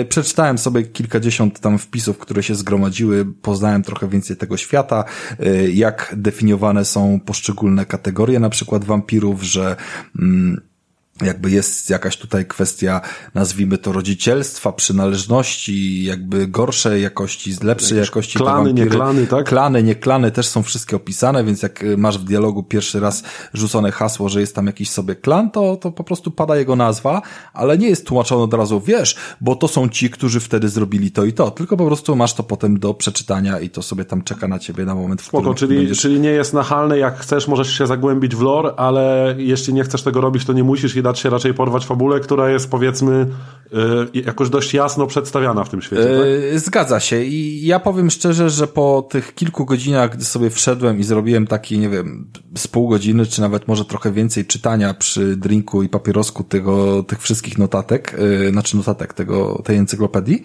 to potem już nie wchodziłem do niej i nie potrzebowałem jakby uzupełniania wiedzy, bo, bo już mi się wszystko kleiło. Dostałeś jakąś pigułkę wiedzy po prostu. Stamtąd. Dostałem pigułkę, nie potrzebowałem wchodzenia tego do końca, pomimo, że poszczególne jakby z mniejszą częstotliwością, ale tego typu komunikaty, że jest tam jakieś nowe pojęcie, albo że wpis został uaktualniony o wiedzę, którą gdzieś mhm. pozyskaliśmy, mhm. się tam wyświetlają tak naprawdę do końca gry, więc e, można no czytać no dobra, wszystko a, dokładniej, można a powiedz mniej. Mi powiedz mi, jak to wygląda ze strony gameplayowej, właściwie co się w tej grze robi?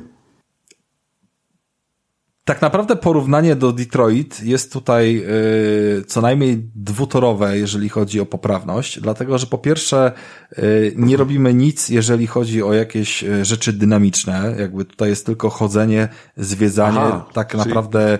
Yy, czyli tu nie ma akcji tak naprawdę. Nie ma żadnej akcji, jest tak naprawdę znamionowe szukanie chuja w śmietniku yy, i po prostu zwiedzanie planszy, na której jesteśmy jako misji, żeby znaleźć wszystkie elementy, które są na niej ukryte, wykonać odpowiednie czynności, przeprowadzić odpowiednie dialogi i wyjście z tej planszy. Można to zrobić szybciej lub y, wolniej i dokładniej, mocniej eksplorując, ale za każdą z czynności, którą wykonaliśmy bądź nie wykonaliśmy, zostaniemy potem rozliczeni.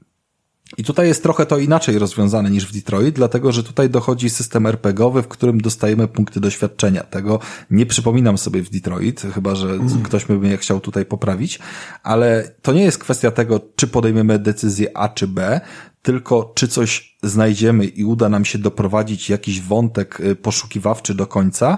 Czy jakieś poszlaki znajdziemy, tak? Znajdziemy jakieś poszlaki i, i wyciągniemy odpowiednie wnioski, albo uda nam się kogoś przycisnąć w dialogu do y, konkretnej kwestii, w której nam pomoże czyli, albo nie. Czyli tam jest jakby powiedzmy miejsce na to wyciągnięcie wniosków, że one mogą mieć znaczenie?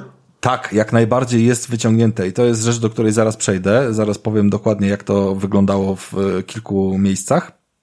E, chodzi o to, że dostajemy potem za to rozliczenie, widzimy czego nie zrobiliśmy i wiemy, że możemy to mhm. zrobić lepiej, że możemy chcieć tą scenę powtórzyć, e, zarówno jeżeli byśmy chcieli grę rozegrać całkiem od nowa, jak i powrócić do konkretnych scen, bo tak, taką opcję też ta gra gdzieś tam ma zaprogramowaną. Okay. Czyli to jest jakby to porównanie do Detroit, powiedzmy. Mm, tak, tylko wciąż zmierzam do tego, że w Detroit się to sprowadzało do quick time action, których tutaj Aha. nie ma. Znaczy jest jedno, ale ono jest zawsze to A, samo. Czyli tutaj bardziej się opiera na treści i na jakby samodzielnym znajdowaniu Zgadza się. Rzeczy, tutaj tutaj wniosków, wszystko tak? się sprowadza do tego, jakie podejmiesz decyzje dialogowe oraz czy coś znajdziesz, czy nie znajdziesz jaką mhm. masz rozwiniętą postać, bo niektórych rzeczy nie zrobisz. Na przykład ja znajdowałem elementy, które yy, powiedzmy, że były nie do końca zaplanowane do znalezienia tak jakby od razu dla, dla randoma. Natomiast nie mogłem yy, użyć, yy, załóżmy tam mocy jakiejś odkrywania rzeczy ukrytych, takich nazwijmy to czarów, y, mhm. dlatego, że nie miałem tej umiejętności na trzecim poziomie, tylko miałem na drugim, więc tego nie odkryłem i to mi blokowało jakieś tam opcje w przeszłości Gdybym inaczej rozwój postaci i rozdawanie punktów yy, w niej poczynił, to bym mógł to zrobić. I to rozdawanie punktów jest, yy, nie ukrywam tutaj troszeczkę na dzień dobry skomplikowane, dlatego że jest yy, wielowarstwowe. Czyli tam są jakieś RPGowe mechaniki nadal w Dokładnie, grze, tak? są RPGowe mechaniki do rozwoju postaci, a co więcej, i o czym nie powiedziałem wcześniej, my sterujemy naraz trzema postaciami. Aha, Mamy okej. na zmianę trzy postacie, one nie cały czas w tej samej formie, to jakby nie zmieniamy się między nimi płynnie, tylko jeżeli wchodzimy w jakąś scenę, y, to ta scena jest dla tej postaci tylko i Mhm. wyłącznie, tylko po prostu to jest tak, że księciunio wzywa te trzy postacie i mówi im, ty masz zrobić to, ty masz zrobić to, ty masz zrobić to, one wypierdalają w teren i po prostu każdą z tych trzech postaci sterujemy. Na dole w menu jakby wczytywania gry mamy cały czas linię czasu i ona pokazuje nam, która jest godzina, kiedy na linii czasu, które wydarzenia się dzieją, że najpierw Aha, sterowaliśmy spoko. tą postacią. My nawet możemy wybierać w kilku momentach, którą postacią teraz chcemy grać, ale wciąż na linii czasu jest to umieszczone, że to było najpierw, to było później, to było później, bo załóżmy Mhm. jedne wydarzenia na drugie nie mają wpływu, dopiero na koniec się jakoś tam łączą. E, bo, bo jeden jest wyzwany do dywersji, drugi do jakiegoś tam szpiegostwa, a trzeci do jakiegoś jeszcze innego działania, załóżmy kryminalnego, nie? I każda z tych postaci ma jakieś swoje specjalne umiejętności. Bo jedna się potrafi na przykład przebierać y, jakby za postacie, y, które spotyka, czyli załóżmy jesteśmy w stanie się przebrać za policjanta i w ten sposób y, jakąś część mapy sobie odblokować. Potem musimy się przebrać za technika policyjnego i, jakby kolejną część mapy nam to odblokowuje, a na końcu jeszcze zeskanować agenta FBI, żeby tą ostatnią część mapy Okej, ale właśnie wspomniałeś zrobić. O częściach mapy, które można odblokować i jak To to są wszystko małe design? obiekty. To są wszystko małe obiekty w postaci jakiegoś na przykład... tu, y, powiedzmy, nie, nie mamy do czynienia z jakąś, że tak powiem, sandboxową mapą czy coś, tak? Nie, broń Boże, tu nie ma żadnej sandboxowej mapy, to są małe lokacje, do których się po prostu przenosimy, gdy wybieramy Mhm. sobie jakiś element i e, jedną lokacją, którą tam odwiedzamy kilkukrotnie i to różnymi postaciami, to jest właśnie ta, e, nazwijmy to ich dwór główny w jakimś tam wieżowcu skryty, gdzie, gdzie po prostu jest cała e, ich baza, gdzie są ich mieszkania, jakieś biura Siedziba i tego główna, typu rzeczy, no, siedziba tak. główna. To jest też fajnie zrobione, że wraz z rozwojem fabuły, kiedy wracamy do tego samego budynku mm, dwa czy trzy razy, to to pomieszczenie jest już przerobione y, zgodnie z tym, co efekty fabularne powinny wywrzeć wpływ, nie? Więc coś tam się dzieje i to pomieszczenia wyglądają inaczej, gdy, gdy mamy ustęp, ten jakby upływ czasu po drodze, wiesz, zaorany, więc to jest spoko. Gdzieś, nie jest... tam, gdzieś tam jest jakby widać te nasze działania w świecie, tak? Nie do końca to są działania nasze, to są bardziej e, efekty fabuły. No mówiąc krótko, jeżeli oni są w jakiś tam sposób e, jako skryta, wiesz, cała wampirza rodzina e, mają ryzyko demaskowania, to wchodzą w tryb niszczymy dowody. Więc gdy w połowie gry się wracamy do tego biura, to tam nagle, wiesz, stoją ludzie i Panika na w przykład biurze, no. panika w biurze, palą dokumenty i tego typu rzeczy, nie, się dzieją, więc to Mhm. jest fajnie, fajnie, że takie detale zostały też zadbane, że te parę godzin upływu czasu tak naprawdę już powoduje jakieś tam poruszenie w, w rytmie tego wszystkiego. No tak, i Co rozumiem, że w tych dzieje? lokacjach głównie y, szukamy rzeczy, poszlak, prowadzimy dialogi, tak? Yy, Kręcimy się dosłownie jak gówno w przeręblu i, i rozpoznajemy sobie kropki kolejne, które udaje nam się odnaleźć. Niektóre kropki są od razu widoczne, niektóre są widoczne dopiero, gdy jakiś sobie włączymy y, tryb wizjonera, a, a jeszcze inne dopiero, kiedy tam jakąś umiejętność inną odpalimy yy, i tego typu rzeczy, wiesz, cały czas robimy. I czytanie notatek, znajdowanie przedmiotów, tam są jakieś przedmioty zużywalne, y, są jakieś przedmioty, które powodują, że właśnie zmniejszamy sobie jakieś tam mm, podejrzenia, czyli na przykład zabieramy dowody, które, y, wiesz, sygnalizują istnienie wampirów w świecie na przykład, nie? Y, To, to, wiesz, dokumenty zbieramy sobie do kieszeni albo jakieś tego typu klimaty. I powiem tyle, po przejściu tej gry mam ogromne poczucie, że naprawdę bym ją przeszedł sobie jeszcze raz, w odróżnieniu od tego, jak gram w inne klimaty typu Detroit i tak dalej, bo, bo tam, kiedy są typowe wybory i na wyborach się jakby kończy cała historia, to mam poczucie, dobra, napisałem swoją historię tak, jak chciałem. Jakby takie podjąłem wybory, tyle było w temacie.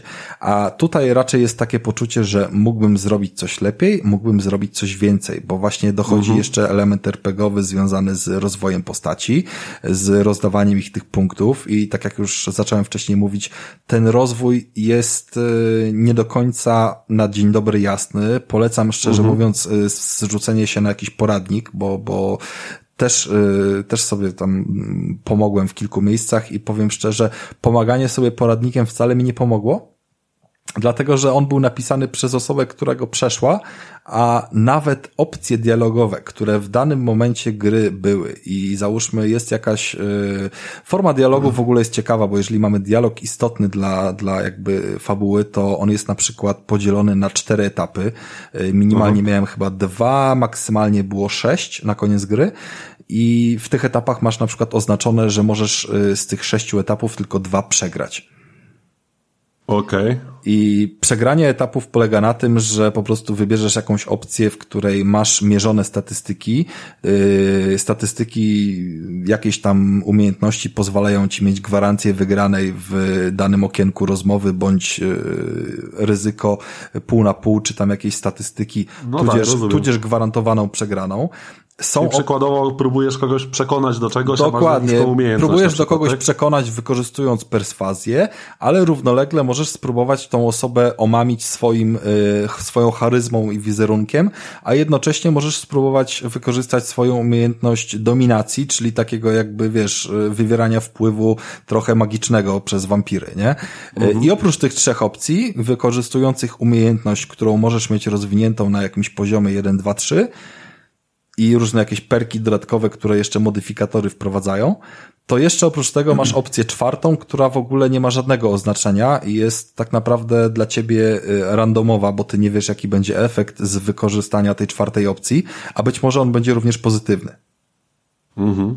To jakby czwarta opcja dialogowa, która nie powoduje żadnego efektu. I to nie jest powtarzalne, bo raz masz dwie opcje dialogowe, a raz masz pięć. I Wyobraźcie sobie, że w finalnych momentach walki, kiedy chciałem na zakończenie gry wpłynąć, y, patrzyłem sobie na poradnik, żeby zobaczyć, jak najlepiej przejść przez dialog sześcioetapowy, yy, które opcje dialogowe wybrać, żeby po prostu mieć jak najlepiej. To nie byłem w stanie tego zrobić. Próbowałem pięć razy podejść do tego samego dialogu i to nie chodzi o to, że ja miałem zbyt słabo rozwiniętą postać, bo nie była w stanie zrobić tego, co, co tam Tylko, się że działo. To, że mówisz, że twoje poprzednie działania i wybory na przykład mogły na to wpłynąć?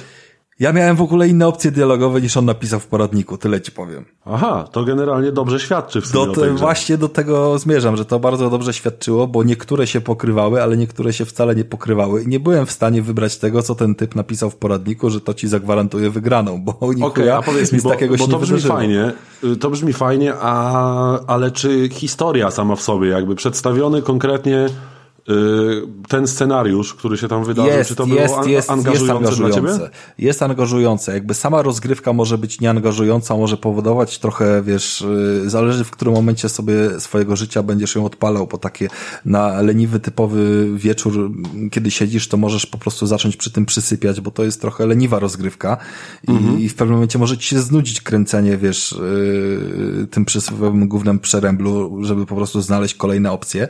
Yy, bo nie ma tej dynamiki, ale jeżeli chodzi o samą stronę fabularną, to jest bardzo ciekawie, bo, bo, bo od razu jesteś rzucany w wir wydarzeń. Tam są skumulowane wydarzenia, wiesz, z tych dwóch, mhm. trzech dni, które tak, tak naprawdę... Słyszałem gdzieś opinię właśnie, że, że dla kogoś bardzo słaba ta fabuła była, ale to, to jest, obstawiam, jakby kwestia osobowa, tak jakby bardzo, że tak powiem subiektywne moim, doznanie. Moim zdaniem nie, nie można tak powiedzieć. Jeżeli chodzi o kwestię fabularną, to jest to zdecydowanie jakby mocniejsza, mocniejsza część i tam się można natknąć na wiele jakichś e, ciekawych zwrotów akcji, czy, czy rzeczy, które są specjalnie przez grę, załóżmy przed tobą ukryte i dopiero się dowiadujesz od, od nich w jakichś tam momentach, więc e, fabularnie fajne miejsca się zwiedziło, bardzo była dobra satysfakcja właśnie z eksploracji tych y, przestrzeni, które tam nam były zapewnione, bo, bo się tak naprawdę wszystkiego dowiadujemy w swoim tempie i to jest, to jest satysfakcjonujące, nie? Szczególnie, że okay. łączymy to z różnych y, stron i my tak naprawdę czujemy, że każda z tych stron nie wie tego samego, że one nie mają ze sobą kontaktu i wiedzą to samo, tylko, że ktoś tam bada jakieś miejsce zbrodni, ktoś tam inny gada z jakimś y, odrębnym klanem i próbuje coś wyłapać, każdy wie co innego i tak naprawdę wszystko się wydarzyło trzy godziny od startu gry, jeszcze nikt nie ma, wiesz, tych informacji skumulowanych i y, rżniemy trochę głupa po prostu przy tym wszystkim, nie? I my Spoko, tak naprawdę to, też to tego nie wiemy. naprawdę fajnie, powiem ci. Jak dość interesująca gra. A powiedz mi, jestem ciekaw w sumie technicznej strony tej produkcji. Masz no coś, i, jakieś i chyba się, chyba, chyba, się można spodziewać tutaj, że, że w tym momencie to gówno z tego przeremla wyławiamy i zaczyna śmierdzieć. Okej. Okay. Brutalnie mówiąc, to jest gra, która chyba chciała aspirować do takiego AAA, jeżeli chodzi o poziom wykonania, tak jakbyśmy właśnie to, to słynne Detroit chcieli przywiązać, bo tam nie ma wątpliwości, ale, że Ale poziom AAA. wykonania czego? Masz na myśli postaci, um, lokacje, czy ogólny poziom graficzny jakby? No, już to rozwijam. Poziom graficzny postaci jest całkiem fajny. One naprawdę robią wrażenie, są tam przyjemne modele dla oka, przyjemne efekty. E, lokacje też są całkiem ciekawe i, i szczególnie w niektórych detalach potrafią zrobić wrażenie.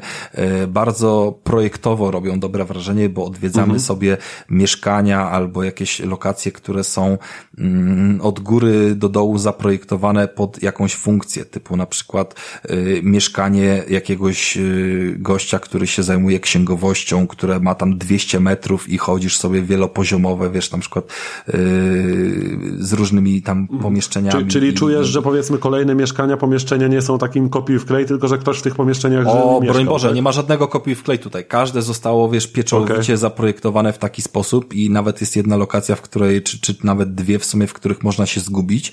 Yy, nie do końca też przewidzieć swoje czynności. Raz po prostu przeszedłem dalej, nie wiedząc o tym, że kończę kończę już y, cały etap i cofnąłem się, bo, bo, bo nie chciałem tak szybko zrobić, bo była opcja rozgałęzienia się na trzy kierunki yy, i od razu w pierwszym udało mi się osiągnąć efekt, yy, który prowadził fabułę dalej, a tak naprawdę okazywało się, że gra projektowała trzy ścieżki, żeby coś tam zdobyć, co pozwala iść dalej i mogłeś sobie zwiedzić mhm. trzy lokacje, zdobywając z tego dużo więcej jakby, nie wiem, czy itemów, czy doświadczenia, czy po prostu wiedzy zwykłej o tym świecie, e, zanim dokonywałeś jakąś tam czynność, nie, która ją zamykała, więc e, taki etap powodował, Spoko. że sobie ją odpalałem jeszcze raz, bo, bo nie chciałem wcale jej w ten sposób, wiesz, zamykać i kończyć tego, tego fragmentu historii. Ja w ogóle jak tak patrzę sobie po screenach, to te wnętrza naprawdę potrafią wyglądać nieźle. Jakby pod kątem właśnie nawet samego pomysłu, że to są naprawdę ładnie, schludnie zaaranżowane wnętrza, jakby tam przysiadł naprawdę jakiś konkretny projektant po prostu designersko, designersko Mikołaj to jest zrobione super. I te Właśnie, wszystkie... bo mówię już nie, nie stricte o wykonaniu jakby technicznym, tylko o jakby estetycznych aspektach tych, tych pomieszczeń. Dokładnie. I to jest wszystko zrobione naprawdę na piątkę z plusem. Ta estetyka, nawet bym powiedział poziom graficzny, bo, bo może to nie jest jakby turbo next gen w postaci, nie wiem, The Last of Us trójki, nie, czy coś w tym stylu, ale no na tak. pewno nie ma się czego wstydzić, jeżeli chodzi o zrobienie na przykład screena z tej gry. Gorzej, Aha. jeżeli wchodzimy w y, moment ruszania się, bo y, dobra, sama postać może i się rusza jakoś tam, wiesz, no, y, jak w symulatorze chodzenia klasycznym, tak? Natomiast mhm. mimika postaci tutaj jest umowna, jakby ona istnieje dokładnie w takim samym stopniu, jak model jazdy w The Crew. Okej, okay, dobra. E, ona jest wtedy, kiedy wybierzesz sobie model auta na inny, to wtedy postać jest wkurwiona albo szczęśliwa, albo po prostu bez wyrazu najczęściej przez 90% gry. Jakby słyszysz e, dialogi i postać się unosi, wkurwia i tak dalej, ale brwi ani drgną. I mm -hmm, w momencie, mm -hmm. gdy tak rozmawialiśmy sobie nawet ostatnio z, z Tomkiem, chociażby na tym streamie, że yy, gdy już się zobaczyło gry, które nawet tak jak ten Horizon zrobił niesamowitą robotę, wiesz, względem mimiki twarzy i, i po prostu Mhm. podczas dialogów od, od zwierciedlania emocji, nie? Jak już to zobaczysz, to zaczyna tego brakować, szczególnie Bardzo. jak mówisz, że, że postaci są wykonane całkiem nieźle i one wyglądają same w sobie w porządku. Dokładnie, ale jakby- wyglądają, wyglądają cały czas jakby po prostu, wiesz, no może to jest taki, nie wiem, wątpię, wątpię bardzo, by ktoś miał taki zamysł yy, artystyczny, że to są wampiry i nie odczuwają emocji, w związku z czym nie robią No żadnych nie, myślę grymasów jakby twarzy, nie? Poniosło To- cię trochę. To, to, to mnie bardzo, nie, nie jestem w stanie w to uwierzyć, dlatego że czuć z tej fabuły i z tych dialogów, że te emocje tam się pojawiają, przynajmniej w dwóch Mhm. z tych trzech postaci, bo jeden jest faktycznie taki bardzo stoic, stoicyzmem yy, napakowany i bardzo stara się te emocje yy, skrywać, ale i tak go potem fabuła wrzuca w takie miejsca, że to go Mhm. w kurwa trochę musi gdzieś tam uruchomić swojego i, i po nim w, w gruncie rzeczy to najbardziej widać, że ten wkurw wchodzi, nie? I to jest yy, w sumie satysfakcjonujące, że te postacie też potrafią yy, również fabularnie w trakcie gry ewoluować, nie? I dużo rzeczy, które widzimy na początku, to na koniec gry nam całkowicie co innego pokazują. A najpiękniejsze jest to, że ja tą grę skończyłem tak naprawdę w bardzo złym zakończeniu, gdzie te postacie y, dwie z tych trzech zginęły i to jakby nie jest y, w żaden sposób zablokowane fabularnie, że takie złe zakończenie też Okej. możemy mieć y, i że może wszystko spierdolić i po prostu to jest też jedna z opcji, nie? Tutaj nie jest, nie mamy do czynienia z grą, która ma happy end jakby zaplanowany. Po prostu jesteście w Spoko. takiej sytuacji, w jakiej jesteście i przeżyjecie historię taką, jaką przeżyjecie i być może dzięki temu będziecie chcieli ją powtarzać, tak jak gadaliśmy z okularkiem, Czaję, że, czaję. że on takie gry y, obcykuje co najmniej na właśnie kilka zakończeń, żeby A słuchaj, więcej. powiedz mi, bo mm, mam tutaj ciekawy, że tak powiem, dysonans yy, i teraz się zabawię trochę w Krystiana Księgowego. Ja, te, ja też będę miał pytanie, tak by the way, no. Bo, bo słuchaj, bo generalnie z tego, co ty powiedziałeś tutaj, ty raczej wyniosłeś takie dość pozytywne doznania z obcowania z tą grą, nie? Raczej z tego, co słyszę, ona ci się generalnie podobała, prawda? Generalnie mi się podobała. Jestem w gruncie rzeczy wdzięczny za to, że nasz patron dał tą grę do Poznania. Czyli, czyli z z twojej strony byś polecił, tak? Tak, ja uważam, że to jest gra, którą należy, należy poznać.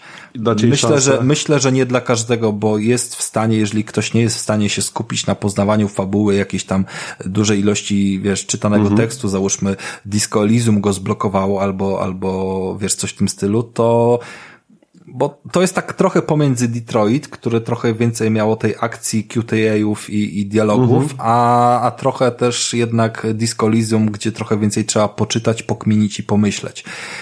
E, A wiesz co, bo ja dlatego zadałem ci to pytanie właśnie, że odnośnie tego, że jakby od, odebrałem od ciebie raczej pozytywne wibracje na temat tej gry, a na przykład sobie wszedłem teraz na jej stronę na gry online, o dziwo, i słuchaj, ta gra ma ocenę 4,4 na 10. Na czerwono wręcz, bardzo słaba, nie? I to jest oczywiście jakby, ja się śmieję, ja tutaj nie, nie będę Ja ci Krystianem. na, na dzień że- dobry, na dzień dobry ci powiem, że y, zauważyłem na różnych grupach czy tam mediach społecznościowych y, taki problem, że razem z premierą mm, tego tytułu właśnie w wersji fabularnej z tym, tym podtytułem Swansong, bo Swansong to jest jakby pojęcie, które bezpośrednio w tej grze się pojawia i, i, i nie jest gdzieś tam wymyślone sobie, wiesz, y, całkiem przyklejone z dupy. Pojawiła się też free-to-playka. Bardzo dużo osób zauważyłem, że tą free-to-playkę testowało. to, Nawet ten, ty y, testowałeś taki tą free-to-playkę. Battle Royale, ro- ro- Dokładnie, Royale, tak? dokładnie. I tam się nic nie dzieje. Ja się na ten temat tej gry w ogóle nie chcę wypowiadać, ale słyszałem same złe opinie na temat tego free-to-playa. Bardzo dużo Okej. osób ją sprawdziło i mam wrażenie, że bardzo dużo osób nawet nie wiedziało w jaką grę gra i po prostu dla nich wampiry to tylko i wyłącznie kojarzyło się z okej. tym free-to-playem. Ciekawe. I jestem skłonny stwierdzić, że to nawet te oceny mogą być y, z tego ściągnięte.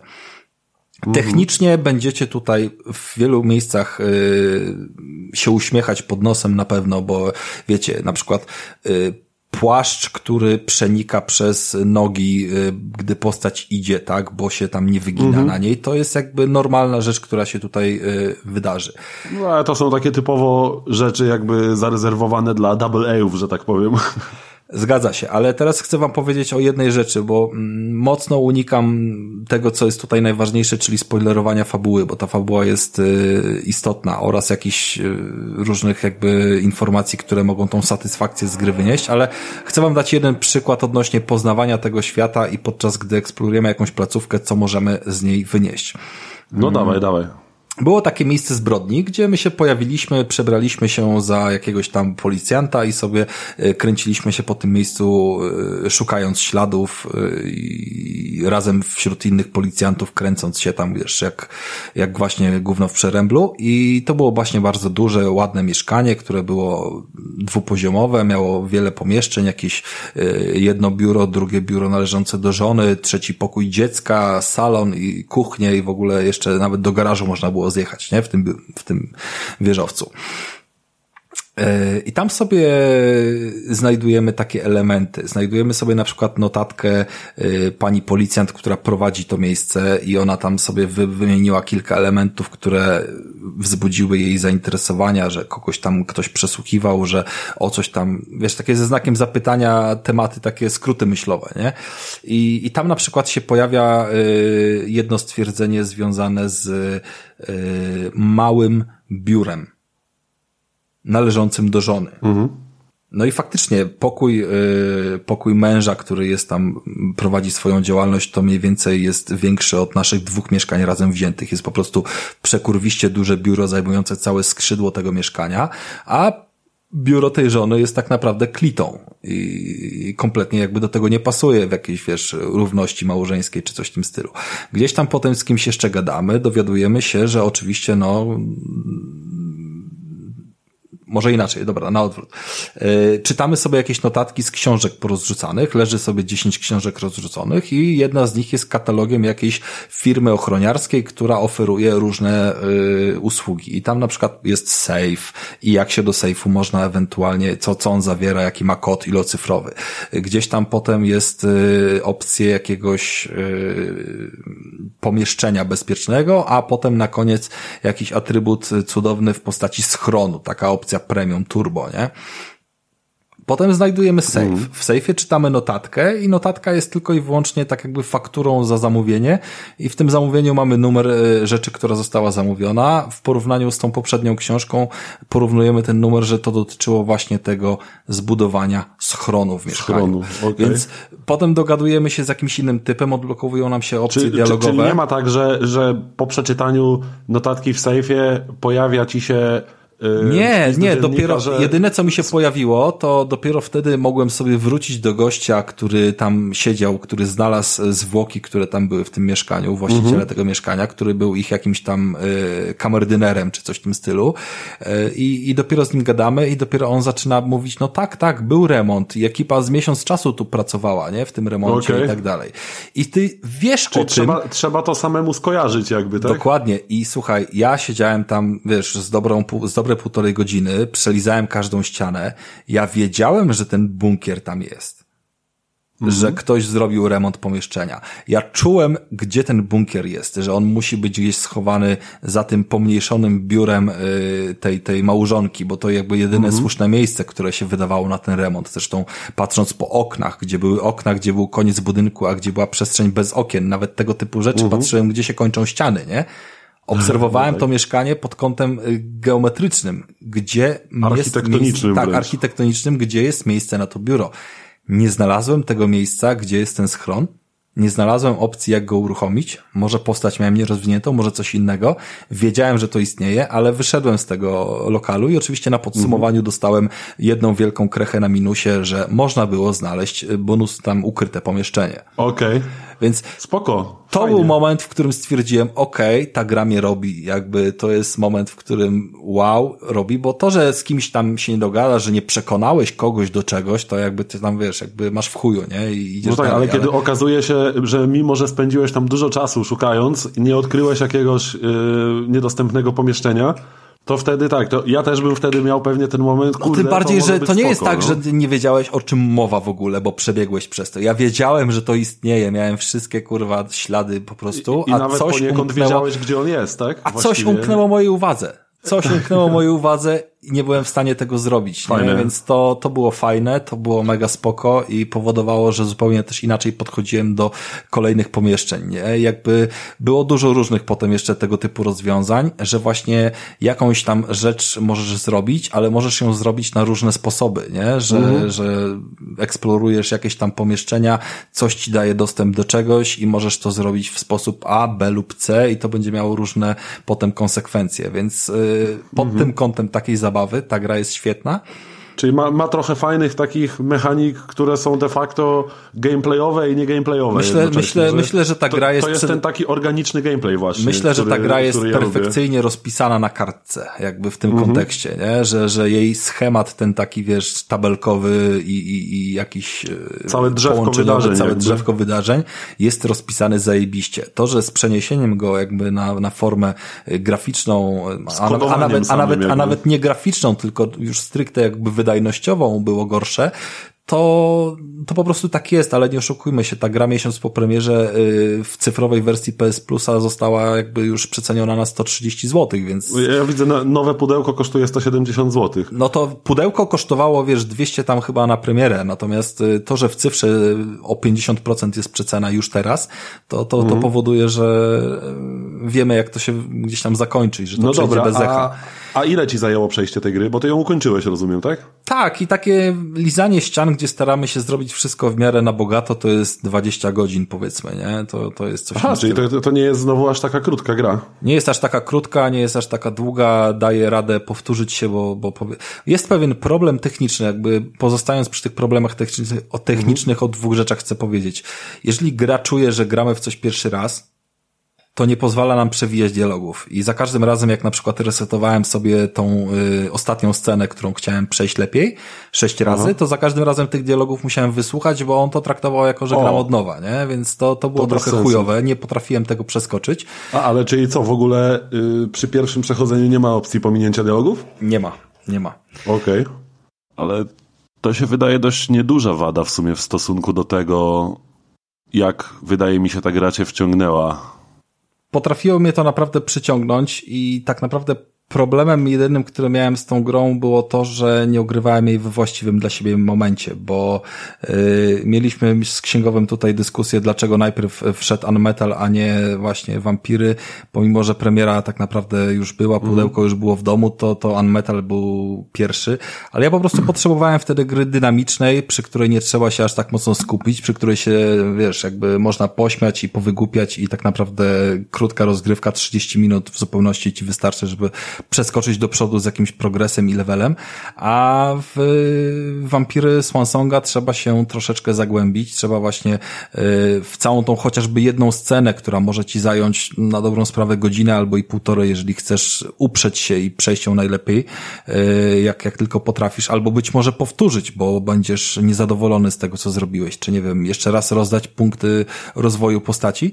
Mm, to nie dawało takiego komfortu, żeby, wiesz, żeby, żeby wyjść z tej sceny, nie? Bo, bo się trzeba wtedy e, dobrze wkręcić w klimat, przeczytać te notatki, być może wyłapać jakieś niuanse, które tam gdzieś tam są, wiesz, e, okolicznościowe, nie? Jeżeli chodzi na przykład o jakieś rozmowy między klanami, też tutaj się odbywają, nie? Jakby są momenty, w których rozmawiamy mhm. z innymi klanami, próbujemy negocjować jakieś e, tematy i, i, no jakby nie będę, nie będę tutaj strzelał kolejnymi spoilerami jasne, poza, jasne, poza no tym jednym, ale warto, warto same samemu pewnie zobaczyć jakby te fajne sytuacje właśnie, w których, Moim zdaniem których warto. widzimy, że mamy wpływ na tę grę po prostu, jakby, że możemy, że w przeciwieństwie do wielu tych takich filmowo powiedzmy decyzyjnych przygodówek jakby, że czy jakby twierdzisz, że tutaj czuć, że masz jakiś wpływ na to, co się dzieje, tak?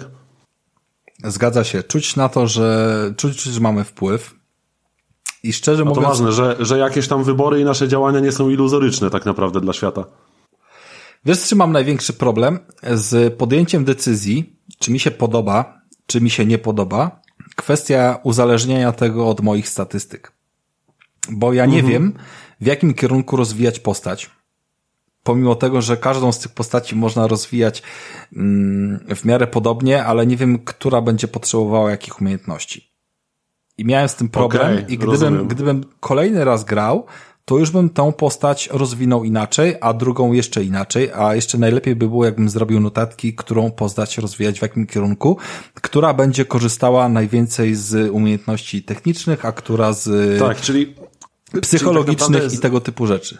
Jasne, wiem o co ci chodzi, że z jednej strony tak naprawdę to może być spoko dla fanów hardkorowych RPGów, w których y, twoje statystyki mają znaczenie na to, czy mają zna y, znaczenie, czy ty będziesz w stanie powiedzmy odblokować jakąś kwestię dialogową ważną dla fabuły, czy nie. I, I to może być dla wielu graczy spoko. To takie poczucie co, no bo, bo, to jest trochę co innego. Wiesz co chodzi? Bo, bo zobacz, bo to jest trochę na tej zasadzie, jak ja miałem w Demon's Souls, że y, że pewnych rzeczy nie cofniesz z rozwojem postaci, bo nie masz postaci, bo nie masz respektu, nie możesz ponownie przypisać tych punktów. I, I jakby to z jednej strony jest fajna, hardkorowa mechanika dla ludzi, którzy chcą czuć jakieś powiedzmy poczucie stawki, ale niektórzy nie tego oczekują. Niektórzy odpalając przygodówkę bardziej powiedzmy decyzyjno-dialogową, yy, nie oczekują od niej, że będą musieli w poważny sposób decydować o tabelkach rozwoju postaci. Tak? To jest trochę jeszcze, to... jeszcze Mikołaj, trochę co innego. Jakby posłużę się twoim przykładem, bo wydaje mi się on dosyć czytelny. Tylko wyobraź sobie, że masz w Demon Soulsach trzy postacie, a nie jedną. I mhm. wyobraź sobie, że ty się decydujesz na rozwój maga. No więc robisz okay. sobie maga. Jesteś świadomy tego, że ten mag nie będzie w stanie zbyt skutecznie napierdalać mieczem, jakby, że będzie miał mało siły. Ale Mój w Demon Souls jest w stanie skutecznie jakby, Ale rozumiesz o co mi chodzi, nie? Jakby nie, nie, no, nie wiem, chodzi wiem. już o mechanikę Demon Soulsów, tylko jakby o takie jasne, uproszczenia. Jasne. I tego jesteś świadomy, to jest twoja decyzja, więc jeżeli potem spotkasz się z jakimś y, problemem, że ta postać nie jest w stanie yy, jakiejś tam rzeczy przekroczyć, bo, bo ma problem z siłą, to jest to ok, ale pewnie alternatywnym sposobem jakoś inaczej tego bossa pokonasz, bo pokonasz go magią, albo sprytem, albo charyzmą, wiesz o co chodzi, nie? Tak są skonstruowane RPG. A tutaj masz RPG mhm. z trzema postaciami i każda pomimo, że oprócz umiejętności specjalnych, bo tak jak powiedziałem, ten rozwój postaci nie sprowadza się tylko do jednego drzewka. Masz tak jakby trzy główne statystyki, które gdy rozwijasz, to ci zwiększają yy, w tych trzech kluczowych umiejętnościach twój ogólny, ogólną twoją moc, tak jakbyś miał, nie wiem, yy, siłę, umysł. Czy, i, czyli ty i... zmierzasz do tego, że tu można jakby źle rozwinąć postać? Można źle rozwinąć postać, yy, można niepotrzebnie źle rozwinąć postać, tak naprawdę no nie wiemy w którym kierunku to zrobimy. Ja rozwinąłem źle postaci, bo ja nie byłem w stanie tej gry skończyć lepiej. Mhm. I to jest też kwestia tego, że jeżeli nie poświęcimy odpowiednio uwagi na spędzenie czasu, na tą eksplorację, to dostaniemy mniej punktów doświadczenia, automatycznie mniej punktów będziemy mieli do wydania i będziemy mieli tą postać no tak, gorszą. Tak, tak, tak. Yy... Spoko, znaczy to jest w ogóle mm, dość że tak powiem, złożony minus tej gry. To jest złożony też niekoniecznie minus. musi być minusem de facto. Tak, nie? tylko wiesz, wiesz, wiesz do czego zmierzam, że jeżeli widzimy jakieś tam mechaniki, których się staramy nauczyć, jeżeli chodzi o ten rozwój postaci, że, że właśnie jest tam kwestia y, mądrości, psychologii, jakiejś tam dominacji, czy, czy, czy wiesz, tego typu rzeczy, które są wspólne dla tych postaci, nie? To uczysz się na jednej postaci, że przydaje ci się umiejętność, yy, załóżmy, otwierania zamków, techniki, nie? Bo, mhm. bo miałeś poprzednio misję i nie byłeś w stanie otworzyć jakiegoś zamka, więc ta gra cię uczy, że fajnie byłoby móc ten zamek otworzyć. Więc masz za chwilę inną scenę z inną postacią i masz opcję dodania jej punktów, bo to robisz tak skokami właśnie tylko w momentach. Dodajesz jej w otwieranie zamków, a okazuje się, tak, że ona to jest, to jest zamku nie będzie musiała Dokładnie otworzyć. o tym mowa. Dokładnie o tym mówię, okay. że... Czyli nie wiesz do końca, którą postać w którym kierunku poprowadzić. A to Dopóki... jest błąd gdzieś, to jest błąd na poziomie gdzieś projektowym, jakby mm... poziomów, że tak powiem. Pytanie, jaki był cel projektu? Moim zdaniem, że celem projektu, jakby zakładając, że było to, że tą grę trzeba przejść kilka razy, to, mhm. to nie trzeba tego rozpatrywać jako błąd, ale trzeba jakby o tym powiedzieć już teraz, nie? Że, że... Tak, ale dla kogoś, kto będzie przechodził jeden raz, to może być problem. Dokładnie, bo ja, ja mogę przyjąć na klatę, że grając w jakiegokolwiek RPG, czy to jest Wiedźmin, czy jakakolwiek inna gra, czy nawet w coś takiego jak Detroit, że przechodzę jeden raz tą fabułę, że to jest moja historia. Wiem, że Tomek e, robi tak samo, gdy, gdy jakby ogrywa tego typu gry i jakby... Ja raczej takich gier też nie przechodzę po kilka razy. Przyjmuję na klatę. Lubię mieć swoją konkretną historię, którą przyjmuję Bo wtedy masz właśnie, wybory. To jest prosta rzecz. Jesteś dobrym człowiekiem albo złym człowiekiem. Masz wybór y, do podjęcia albo, że w tym momencie jesteś skurwysynem, albo jesteś, yy, nie wiem, ideologiem, albo jeszcze coś w tym stylu. Taki wybór podejmujesz. Fabuła się prowadzi dalej i cię prowadzi do jakiegoś finału, który dla takiej ścieżki twoich wyborów twórcy zap- zaplanowali i ty jesteś w stanie to przyjąć jako, yy, jako twój twoją wersję gry, twój finał, twoją historię. I to jest okej. Natomiast tutaj nie jesteś w stanie tego zrobić, bo po drodze wchodzi ten element mechaniki z tym rozwojem postaci, który jest ciekawy, który daje satysfakcję, dodatkowe wyzwanie, ale jednocześnie powoduje to, to, to takie trochę, nie wiem, może wymuszone zagranie drugi raz, może... Albo poczucie niesprawiedliwości, Albo poczucie po niesprawiedliwości. nie wiedziałeś o czymś. Nie wiedziałeś no. o czymś. I takie, takie poczucie niestety mi gdzieś tam towarzyszyło. No kumam, Jakby nie dobrze. mogłem tego wiedzieć. jest- Ja jestem w stanie się utożsamić z postaciami, że nie wiedziałem, w którym kierunku mam się rozwijać, okej, ale, ale uważam, że trochę to zostało zbyt mocno rozwinięte, zbyt wielowątkowo, Mhm. bo Wyobraź sobie, że to drzewko umiejętności, które rozwijasz, ma trzy główne statystyki. Yy, oprócz tego, że trzy główne statystyki sobie możesz rozwijać pod jakimś kosztem punktów, to pod każdą z tych trzech masz jakieś dodatkowe i je również... Perki jakieś, nie perki, tak? No, wyobraźmy sobie, że masz y, kategorię umysłu. Możesz dokoksić sobie kategorię umysłu i wtedy będziesz miał na przykład zamiast 45% szansy na wygranej, będziesz miał 55% szansy na wygranej podczas starcia w dyskusji. Ale to jest ogólne dla kategorii umysłu. A poniżej kategorii umysłu masz jeszcze podkategorię 3, które możesz sobie sperkować za inną ilość punktów, ale już per jeden podnieść poziom. I na przykład psychologia plus jeden, dominacja plus jeden i charyzma plus jeden, nie? I to są wszystko jakby y, rzeczy z jednego drzewka, a obok możesz sobie pójść na umiejętności i załóżmy te same punkty doświadczenia wykorzystać na to, że sobie dokoksisz w swojej postaci umiejętność odkrywania obiektów na trzeci poziom, a nie na drugi. Więc jest Jasne. totalny pierdolnik, jeżeli chodzi o to, na co wydać te punkty. No tak, czyli, czyli to może być problem. Ten RPGowy, RPGowy system, który mi się w sumie wydawał dość, dość fajnym featurem, może się okazać problematyczny, szczególnie przy pojedynczym przejściu gry. E, ale mam, tak, no mam, przy, mam razie po tym pierwszym poczuciu, yy, po tym pierwszym przejściu gry, mam Mhm. takie poczucie, że bez jasnej instrukcji, w co wpierdolić punkty wy- swojego rozwoju postaci, bez takiego konkretnego poradnika, tudzież kurwa yy, przechodzenia gry po cztery razy i rozpisywaniu Mhm. sobie błędów, które popełniłem, yy, czego raczej nikt by dzisiaj nie robił, yy, chociaż w sumie w Demon Soulsach też wszyscy na poradnikach lecą i jakby nikt tego nie robi problemu. No. Yy, no i bez tego nie jest, nie byłbym w stanie przejść tej gry w sposób na przykład najbardziej optymistyczny. I tutaj chcę na koniec y, pozdrowić naszego właśnie patrona Okularka, który y, ten tytuł nam, nam rzucił do recenzji i gdzieś tam spowodował, że musiałem się z nim zmierzyć. Y, I który też powiedział coś bardzo fajnego.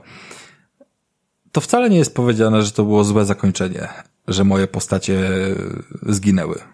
Jakby nikt też nie powiedział, że moje postacie, czyli te wampiry, którymi tutaj sterujemy, są postaciami pozytywnymi. To nie jest jakby historia Mario, który ma uratować księżniczkę, tylko y, to jest bardzo nie, Gdzieś tam je- jest jakaś głębia w to niej, jest tak? bardzo, bardzo niejasna fabularnie gra. Jakby to, że my sterujemy wampirem, to nie znaczy, że my jesteśmy dobrzy, bo my prowadzimy eksperymenty na ludziach, my się nimi żywimy, my ich używamy jako Okej. swojego, wiesz, yy, tak naprawdę bydła i Bydła, yy, tak. bardzo, bardzo. Można to jakby fabularnie też yy, od, o, odróżnić, że niektóre postacie wypowiadają się o swoich żywicielach yy, w sposób w miarę tam z szacunkiem, nazwijmy takim umownym szacunkiem, na zasadzie takim, że no dobra, no ja jem Nie gardzą nimi, jem, no, jem, ja, jem, tak? ja jem w McDonaldzie, czy ogólnie spożywam mięso, ale no jakby to nie jest tak, że wiesz, że się śmieję z krów, nie? Czy, czy uważam, Mhm. że tylko po to istnieją, ale są również tacy, którzy uważają, że tylko po to istnieją krowy głowy, żeby je zjeść i że są pod ludźmi gdzieś tam całkowicie inna kategoria i No z tak. takimi osobami też będziesz rozmawiał i, i miał gdzieś tam ten dysonans, nie? Yy, Spoko, to fajnie generalnie. Brzmi mi to jak, jak dość ciekawa gra ze swoimi oczywiście jakimiś przywarami, ale taka, która Powiem tak, jeżeli ona- szansę, bo mo można z niej coś fajnego wynieść, nie? Jeżeli to wpadnie do jakiegoś abonamentu, podsumowując podsumowując jakby. dokładnie, jeżeli to wpadnie do jakiegoś abonamentu, czy, czy niebieskiego, czy zielonego, to uważam, że każdy powinien tego spróbować, bo fabularnie i jakby głębią to jest bardzo dobrze rozpisane.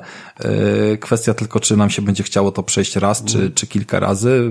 Być może po prostu jakoś... Okej, a, a powiedz mi tak jakby y, bardzo material, materialistycznie, y, ile byś był w stanie zapłacić za tę grę? Jakby, jaka jest według ciebie Nie chcę, odpowiednia nie- cena? Pomijając to, kiedy wpadnie w abonamenty, ale co, uważasz, że na przykład jak wpadnie na promocję za stówkę, warto to wziąć? Nie jestem w stanie na takie pytania udzielać odpowiedzi, bo to jest zależne jakby od portfela każdego z naszych graczy i tyle w temacie. No jakby No tak, też prawda. nie, nie, nie, sposób tego powiedzieć. No jakby umówmy się, dla mnie może być, wiesz, yy, coś warte 400 zł, co dla kogo innego nie jest warte 5 dych. Ostatnio widziałem na jednej grupie, jak yy, po wejściu do plusa yy, pięć naprawdę hitowych gier, nie? Crash 4, y, Demony, Spider-Man i, i żeby nie skłamać Return, A, Return że tam za ale- cztery i coś jeszcze, no. ale on to finalnie, finalnie koleś to sprzedał za 250 zł, tylko dlatego, że mu się nie chciało tego rozdzielić na oddzielne aukcje, No to, zarobić to już więcej. ktoś, ktoś zajebisty biznes zrobił Bo, bo po, po pięć dych jakby strzeliły za gry, które ma we własności, może gdzieś tam jeszcze, wiesz, dalej odkleić. No jakby cena i wartość to są dwie różne rzeczy. Tak, bardzo subiektywne. W każdym razie, y, jeśli wpadnie do abonamentu, warto sprawdzić. Vampire the Masquerade Swan Song, y, łabędzi śpiew. Miejmy nadzieję, że to nie będzie łabędzi śpiew tego studia. Y, w każdym razie grę polecamy i miejmy nadzieję, że ten odcinek też nie będzie łabędzim śpiewem.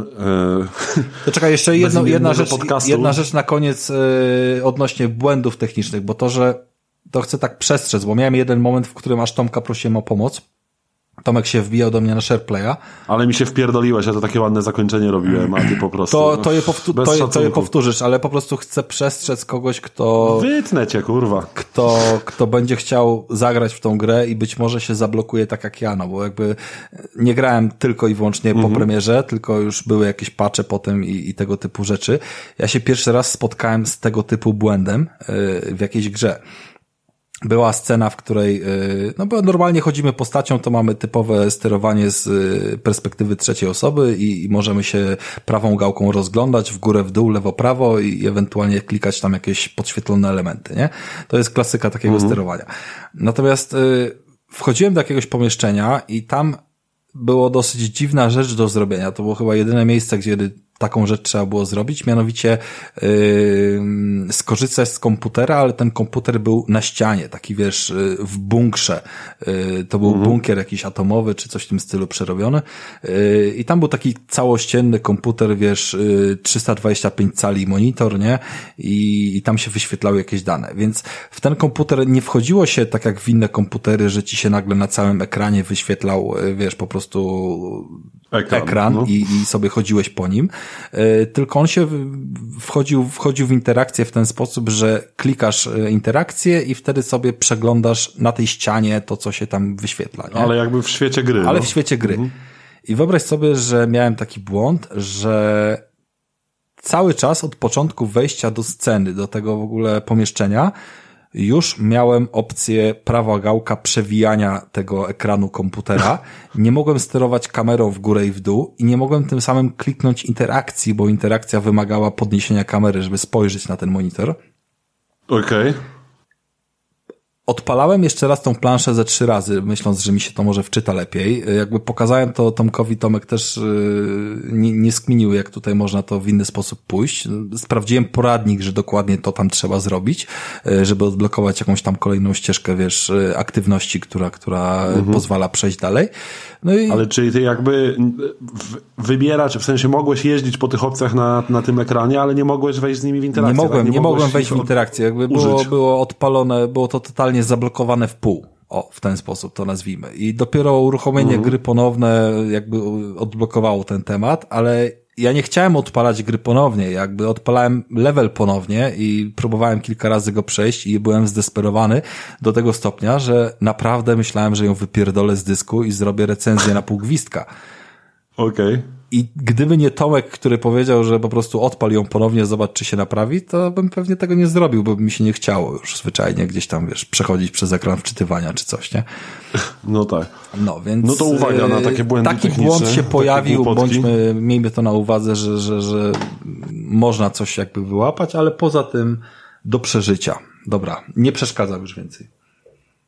No, w każdym razie polecamy do sprawdzenia, szczególnie może jak wpadnie w jakichś przecenkach, abonamentach. Tak jak powiedziałem, Vampire The Masquerade Swan Song.